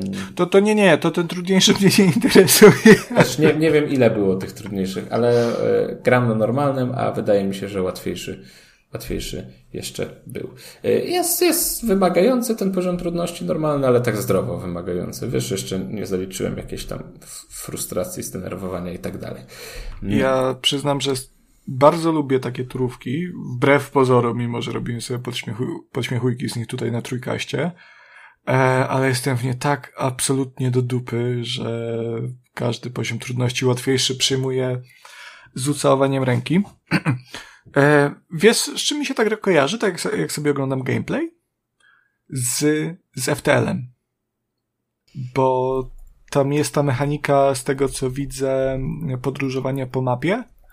i wybierania swoich y, kolejnych celów, nie? Mm. Co, ja teraz muszę sobie zobaczyć, co to jest FTL. No ja myślałem, że ty to będziesz znał takie klasyki turówkowe, rogalikowe. FTL to jest. Nie, nie, nie. To jest też stara gra. Słyszałem w sumie. 2012 rok teraz, teraz no, tak no, widzę. No, no, to jest taki w sumie nie, klasyczek no, ten, ten, turówkowy. Ten, ten, motyw wybierania drogi na mapie to jest dość, nie wiem, wydaje mi się, że już częsty. Mm. No, ale, ale jeśli mówisz, że tak jest, to ufam ci. Ufam ci w tym miejscu. E, no, nie potwierdzę, bo we FTL nie grałem, a nawet nie słyszałem. Szczerze się przyznam, nie pamiętam. E, Myślę, że warto nadrobić, jak lubisz turóweczki. Dobrze, dobrze, zainteresuję się. Mm, I jak już sobie dobrniemy do tego bunkra, to zaczyna się ten drugi etap gry, o którym wspominałem, który jest znacznie krótszy i szybszy, ale też istotny, czyli przebywanie naszej y, drużyny w bunkrze. I to jest taka faza odpoczynku, tam możemy uleczyć naszych e, żołnierzy, możemy obniżyć im poziom stresu, o którym już wspominałem. E, stres podwyższa nam się na skutek, nie wiem, otrzymania obrażeń i tak dalej. No taka typowa, typowa mechanika, że jak nam się dzieje źle, to też rośnie stres. E, ten stres, stres jeżeli osiągnie tam za wysoki poziom, to narzuca jakieś negatywne efekty, czyli tutaj też znowu ten uśmiech taki w Darkest Dungeon. Hmm. I tam też możemy skorzystać jeszcze z takich umiejętności przypisanych dla każdej, dla każdej postaci, czyli na przykład pani wspomniana już z kataną będzie mogła tę katanę naostrzyć, dzięki czemu będzie mogła e, zadawać więcej obrażeń w następnej rundzie. E, możemy sobie wytwarzać tam granaty, możemy wytwarzać yy, właśnie te przedmioty do leczenia, przeszukiwać skrzynie w poszukiwaniu dodatkowych surowców, a cały szkopuł polega na tym, że mamy określoną liczbę akcji, które możemy wykonać podczas tego e, odpoczynku, czyli po prostu musimy wybierać, co chcemy zrobić i co jest na, w danym momencie nam bardziej potrzebne. E, chociaż jeżeli zaliczymy misję w dobrej kondycji, że nie będziemy musieli bardzo tam poprawiać stanu naszej drużyny, to tych punktów akcji jeszcze nam może zostać. A też fajnie jest to zrobione, że nawet jak nam zostaną, to, to po prostu nie przepadną, że nie mamy ich na co wykorzystać, tylko możemy je wykorzystać na odpoczynek, a odpoczynek też nam daje jakiś tam bonus na następną, na następną rundę. Czyli to jest wszystko fajnie, fajnie dopięte. No i też podczas tego etapu um, ulepszamy bronię naszych postaci, um, poziomy doświadczenia, one też zbierają, czyli odblokowujemy im skille i zdolności. Też są y, skille drużynowe, które dają bonus dla całej drużyny. To oczywiście w trakcie, w trakcie misji otrzymujemy, czyli też no, taki typowy moment, chwila oddechu na, na zarządzanie naszą drużyną. No i potem przechodzimy do kolejnej planszy, odpoczynek, kolejna plansza, odpoczynek i tak to się wszystko kręci.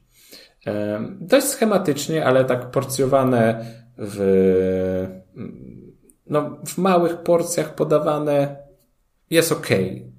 Raczej nie byłbym w stanie spędzić w tej grze, no, nie wiem, pięciu, sześciu godzin pod rząd, ale tak godzinkę dziennie jak najbardziej, jak najbardziej można i sprawia frajdę.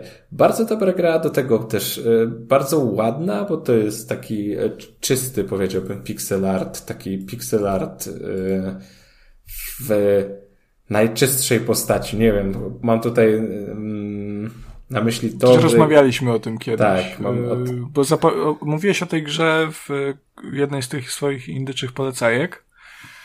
E, nie wiem, chyba dwa, trzy odcinki regularne temu, coś takiego. I e, to było przyrównywane i do gier do, na Atari, i do Oli. E, ja pamiętam, że jakieś Gods Will Be Watching wyciągnąłem. Mhm, możliwe.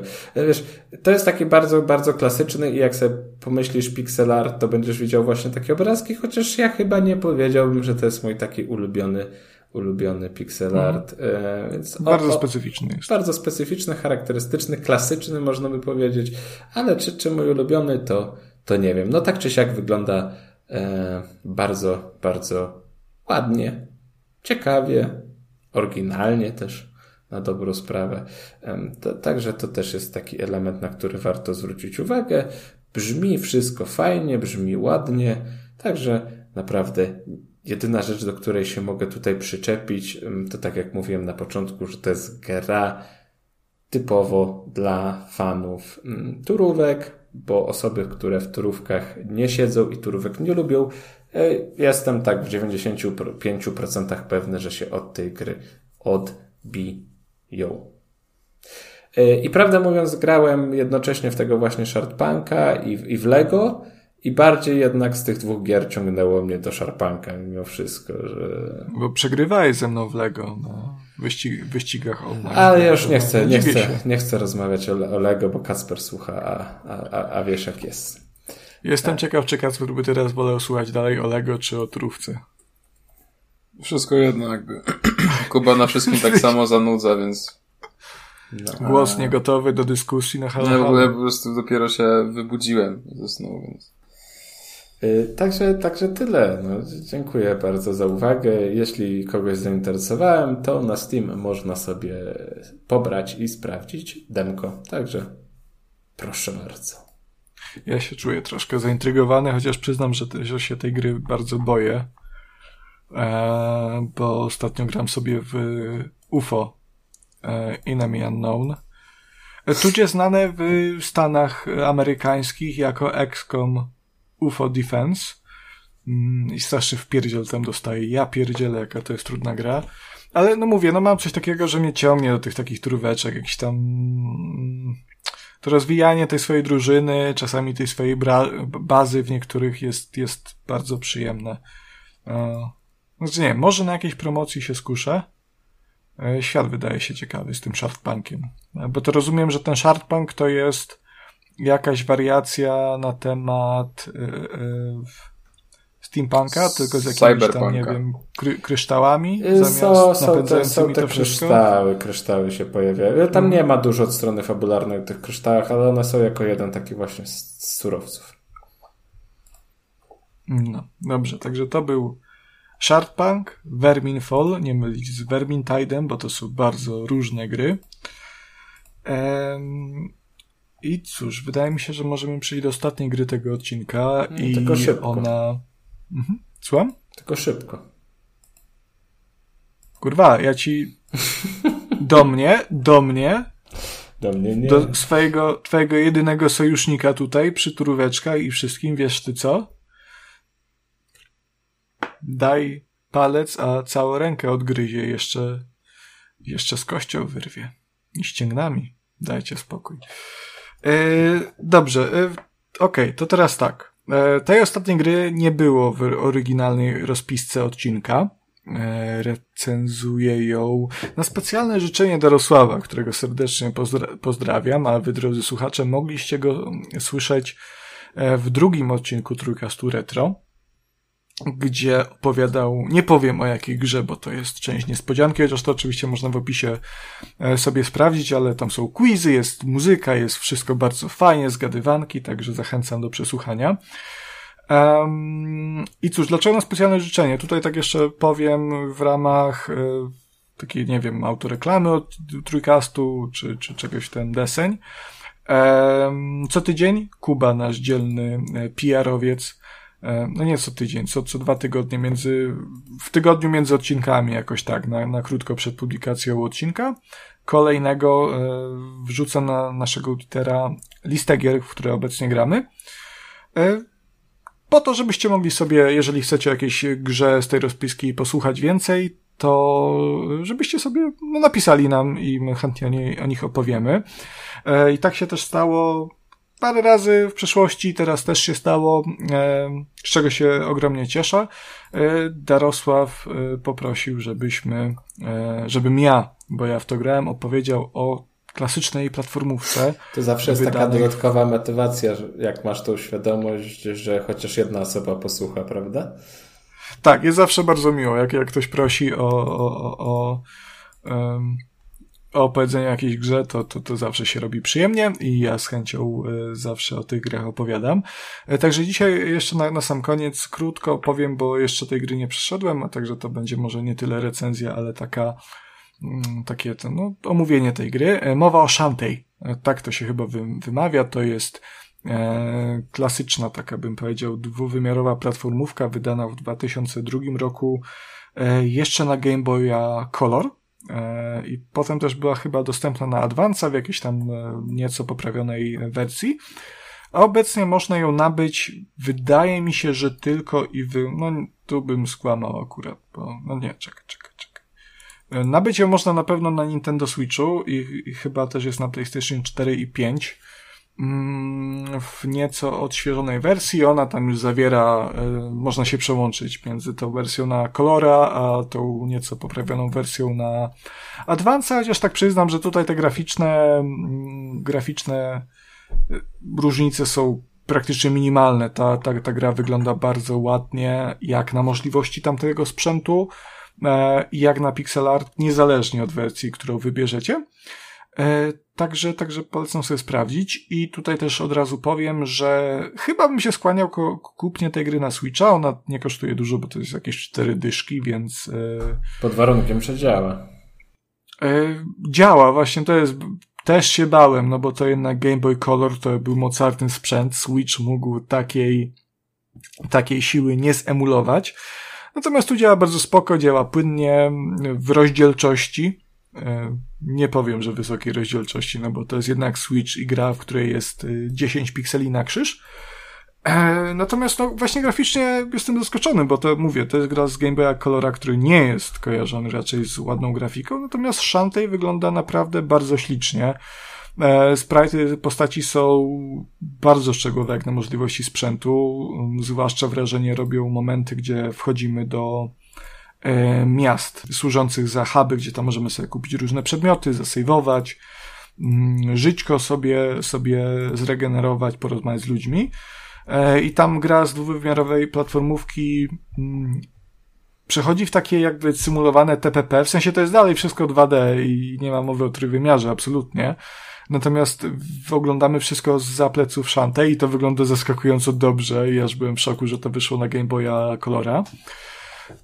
No ale nawet w tych, w tych regularnych poziomach to wygląda naprawdę ślicznie, jest kolorowo, to dla Kacpra. E, jest ładnie animowane, te, te postaci się cały czas poruszają tak, tak, tak bardzo płynnie. E, zresztą Shantae to jest. No właśnie, no może tak powiem o czym jest ta gra, tak pokrótce. E, Shantae jest dżinką, tak można to powiedzieć, w każdym razie żeńskim dżinem, który gdzieś tam miał chronić miasto pod, pod swoją opieką bodajże. Natomiast psikus polega na tym, że zły, zła piratka Risky Boots się nazywa, napadła na to wioskę i w ogóle sieje spustoszenie nie tylko tam, ale i na całym świecie. Także naszym celem jest powstrzymanie tej złej piratki i tu w zasadzie fabuła się kończy. Tam są jakieś dialogi, są różne postacie, ale no nie jest to coś jakoś, jakoś nadzwyczaj intrygującego. Natomiast gameplayowo już jest naprawdę bardzo spoko. No, to jest u podstawy platformówka, e, czyli gatunek, z którego Game Boy e, oryginalny, zarówno jak i Color słynął. Mm, gatunek, do, do, którego te plat, platformy zostały stworzone. E, także chodzimy sobie po tym świecie, bijemy się z przeciwnikami. Podstawowy atak to jest e, taki uderzenie włosami. To brzmi dosyć ciekawie, no ale Shantae ma takiego, no nie, no nie koka, ale taki Jezus, jak to się nazywa? Kuca. Kucama, tak, dziękuję. I tym kucem napierdziela tych przeciwników.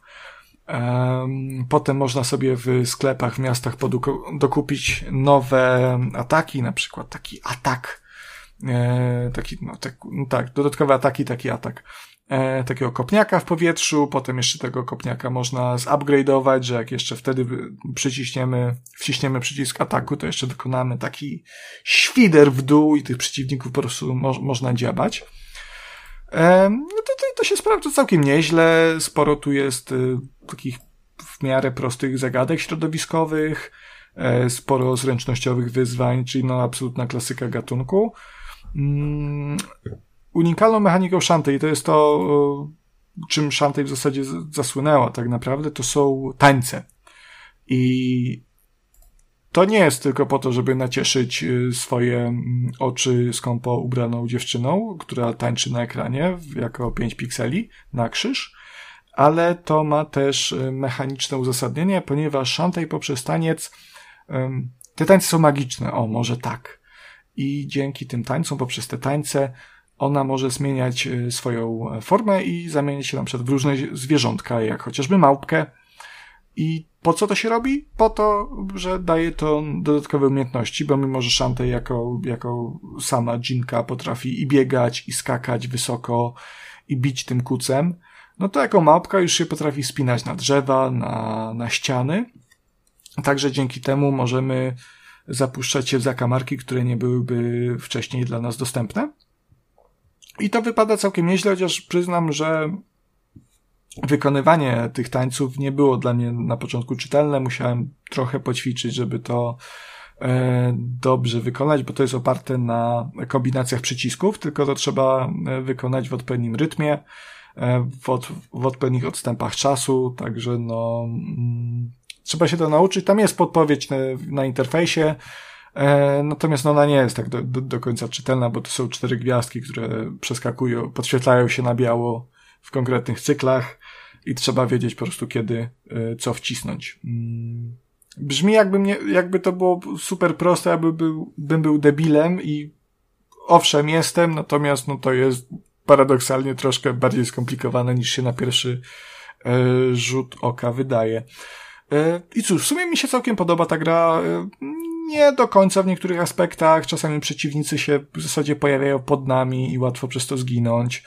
E, jest trochę grindu, żeby odpowiednią liczbę punktów zdobyć i opłacić te dodatkowe um, ataki czy przedmioty, także to irytuje. E, troszkę mnie wkurza też fakt, że ta gra to się dzieje troszkę w takim otwartym świecie, bo w zasadzie w każdym momencie możemy wszędzie pójść, e, niekoniecznie tam, gdzie byśmy chcieli. I nie zawsze gra dobrze tłumaczy, czy też może bardzo dosadnie tłumaczy, gdzie powinniśmy się udać. I ja na przykład straciłem czas E, na przebijaniu się przez lokację, do której jeszcze nie miałem w ogóle pójść, także to była strata czasu, potem musiałem wracać. E, jest sporo znajdziek też i gra się fajnie. Jeżeli, jeżeli tak jak Darosław zastanawiacie się, czy warto do Szantej wrócić, bo to już jest obecnie e, seria składająca się z kilku, chyba z pięciu odsłon łącznie, no to uważam, że warto. Jest to jest naprawdę fajna gierka w przystępnej cenie i, i dostępnej teraz w łatwy sposób właśnie na Switchu czy, czy na PlayStationach. Mm, I tak, chociaż właśnie nie wiem, czy to wyszło na PlayStation 4, chyba nie, bo tak sobie teraz czytam i o, informacja o PlayStation bazuje na Wikipedii, ale z tego co widzę, e, no to jest to planowane, natomiast no to się ukazało na Switchu w 2021 roku i tak też gram. E, I uważam, że tak się najlepiej sprawdza, zwłaszcza w tym trybie handheldowym, no bo to jest jedna gra, która została stworzona z myślą o sprzęcie przenośnym, E, piksele są duże, więc na mniejszym ekranie to też mniej boli, zwłaszcza, że to odświeżenie nie posiada żadnych tam e, no, funkcji przeplotu, czy jakichś takich e, funkcji poprawiających trochę wizualia. Mm, także na dużym ekranie te piksele widać i to nie wygląda aż tak fajnie, ale już na mniejszym jest, jest bardzo spoko. Klasycznie są też w obecnych wersjach save state'y, czyli można sobie zapisać tę grę, kiedy chcemy Także nie, nie, tam śmierć nie boli tak bardzo, bo można sobie wczytać. No i cóż, no, całkiem przyjemna gra. E, ja z chęcią to skończę.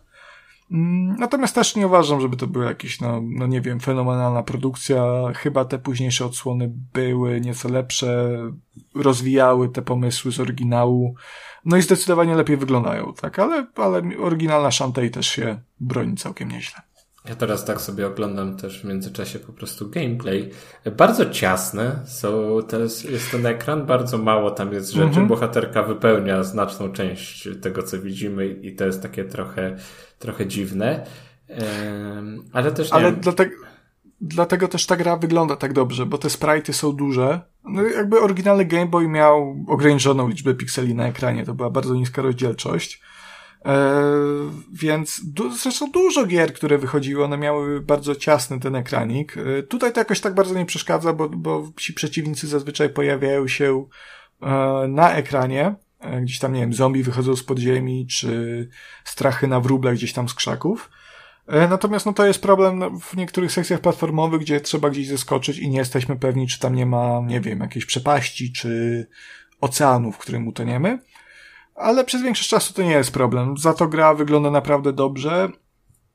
Yy, zwłaszcza w porównaniu do takiego Castlevania, do takiej Castlevania The Adventure. A to, jest Game Boya, która jest super taki brzydka. inny chyba styl, czy nie? Czy mi się wydaje? Yy, tak, taki trochę mangowy on jest, bym powiedział. a właśnie w ogóle jeszcze tak jak patrzę, to, to nie wiem, ale to wydaje mi się, że może bardziej po prostu przez sam setting, ale z tym starym, starym Aladynem mi się skojarzyła ta gra, jeśli mhm. chodzi tak o Tak, tak, bo to wizualnej. są mhm, dżiny i, i, jest taki klimacik troszkę i te serduszka e, gdzieś tam arabski, jako, jako życie mhm. takie, takie właśnie, właśnie coś w ten, w ten, w ten klimat. Tak, no ale to chyba wszystkie, nie? Platformówki z tamtych lat troszkę wyglądały podobnie, no umówmy się. Nie wiem, jak tak jeszcze e, walkę z bossem już widziałem i ona faktycznie wyglądała na taką e, zręcznościowo wymagającą, bo trzeba było skakać na różne platformy i odbijać i unikać. Tak jak widzę jednak te sekwencje, gdzie po prostu się chodzi po planszy, to one jakoś takie banalne bardzo się wydają. Po prostu wychodzi chłopek, a ty go z tego kuca ściągasz i, i tyle. E, nie wiem. Nie no wiem. wydają się na początku tak, bo to tam wtedy są wszyscy na jednego strzała, ale potem się pojawiają troszkę trudniejsi przeciwnicy, którzy mają też ataki e, nie, nawet nie tyle dystansowe, co w ogóle dystansowe w różnych kierunkach, że na przeciw wystrzeliwuje trzy pociski e, trochę w dół przed siebie i trochę do góry, także to też e, trudniej ominąć. E, mają więcej życia, także więcej ataków, nawet tych już ulepszonych trzeba w nich e, wklepać. E, no także ten poziom trudności rośnie, ale początek jest dość prosty i to nie jest tak, że nagle się spotyka ze ścianą. Nawet ci początkowi bossowie nie są wcale trudni. I jeszcze ten, ta animacja, gdzie ona jest przykucnięta i wali w kuca, to z kuca wali, to wygląda bardzo dziwnie. No to już chyba twój brudny umysł, Kubu. Nie, nie pod tym względem. E, ale nie, nie, prostu... ja teraz nie, nie, nie. E, bardzo jest dziwny pomysł, żeby bohaterka, bo ona tak wali, trochę to wygląda jakby po prostu z dynki wszystkich tak, chciała, tak, tak, chciała tłuc, więc to jest tak dziwne, dziwny pomysł, dziwne rozwiązanie. Mogłoby być to cokolwiek, mogłaby być to, nie wiem, chusta, e, szarfa, kij, sztylet, beach, nie wiem, cokolwiek, no ale zdecydowali się jednak na... No ale przez to będziesz to pamiętał, że wali skuce, nie? A nie z bicza. No, mo możliwe, możliwe. E, jakby ktoś mi przedstawił taki pomysł na papierze, to raczej bym go nie przyjął zbyt dobrze, no ale cóż. Kuba, z całym szacunkiem. Dobra, dobra, już kończymy. Bo przyszedł. Już narzeka. Ja nie wiem, Kasper taki cichy, niezainteresowany, a to kolorki są, to jest skakanie, to co Kasper lubi wszystko. No po prostu zostałem zrugany przez Smolaka, to co? Sam, żeś zaczął. Nie, ja byłem kulturalny i miły i chciałem... Już do, kończ ten odcinek, już kończ ten odcinek. Tam. Ty się znasz, dobrze, znasz dobrze. się na słuchaczach. To był Trójkast 43, to był Konrad Noga. E, dzień dobry, przepraszam za zachowanie i brak kultury moich współprowadzących, za te niesnaski, obrażanie się śmiertelne. I cóż, no, zachęcam osobiście jeszcze, żebyście e, pisali, o czym chcecie usłyszeć. E, zawsze to uwzględnimy. E, a jak ktoś nie będzie chciał tutaj z moich współprowadzących, to wyegzekwujemy i będzie opowiedziane. To się nie ma co martwić. Także, także dziękuję za uwagę. Cześć. To był też niestety Kuba Smolak. E, dziękuję bardzo za uwagę wszystkim słuchaczom. Dziękuję Tobie, Konrad, a Tobie, Kasper, nie dziękuję. I to byłem ja, czyli Kasper Cembrowski. Bardzo Państwu dziękuję. Dziękuję także Konradowi oraz dziękuję bardzo Kubie. No, wsadź sobie w nos, to dziękuję. ja pierdolę. Dobra, pa! Poszło. Cześć. A wy? Co sądzicie o grach i tematach poruszanych w odcinku? Koniecznie dajcie nam znać w komentarzach, na Twitterze lub poprzez adres e-mail. Wszystkie linki znajdziecie w opisie. Pozdrawiamy. Ara, ara, sayonara!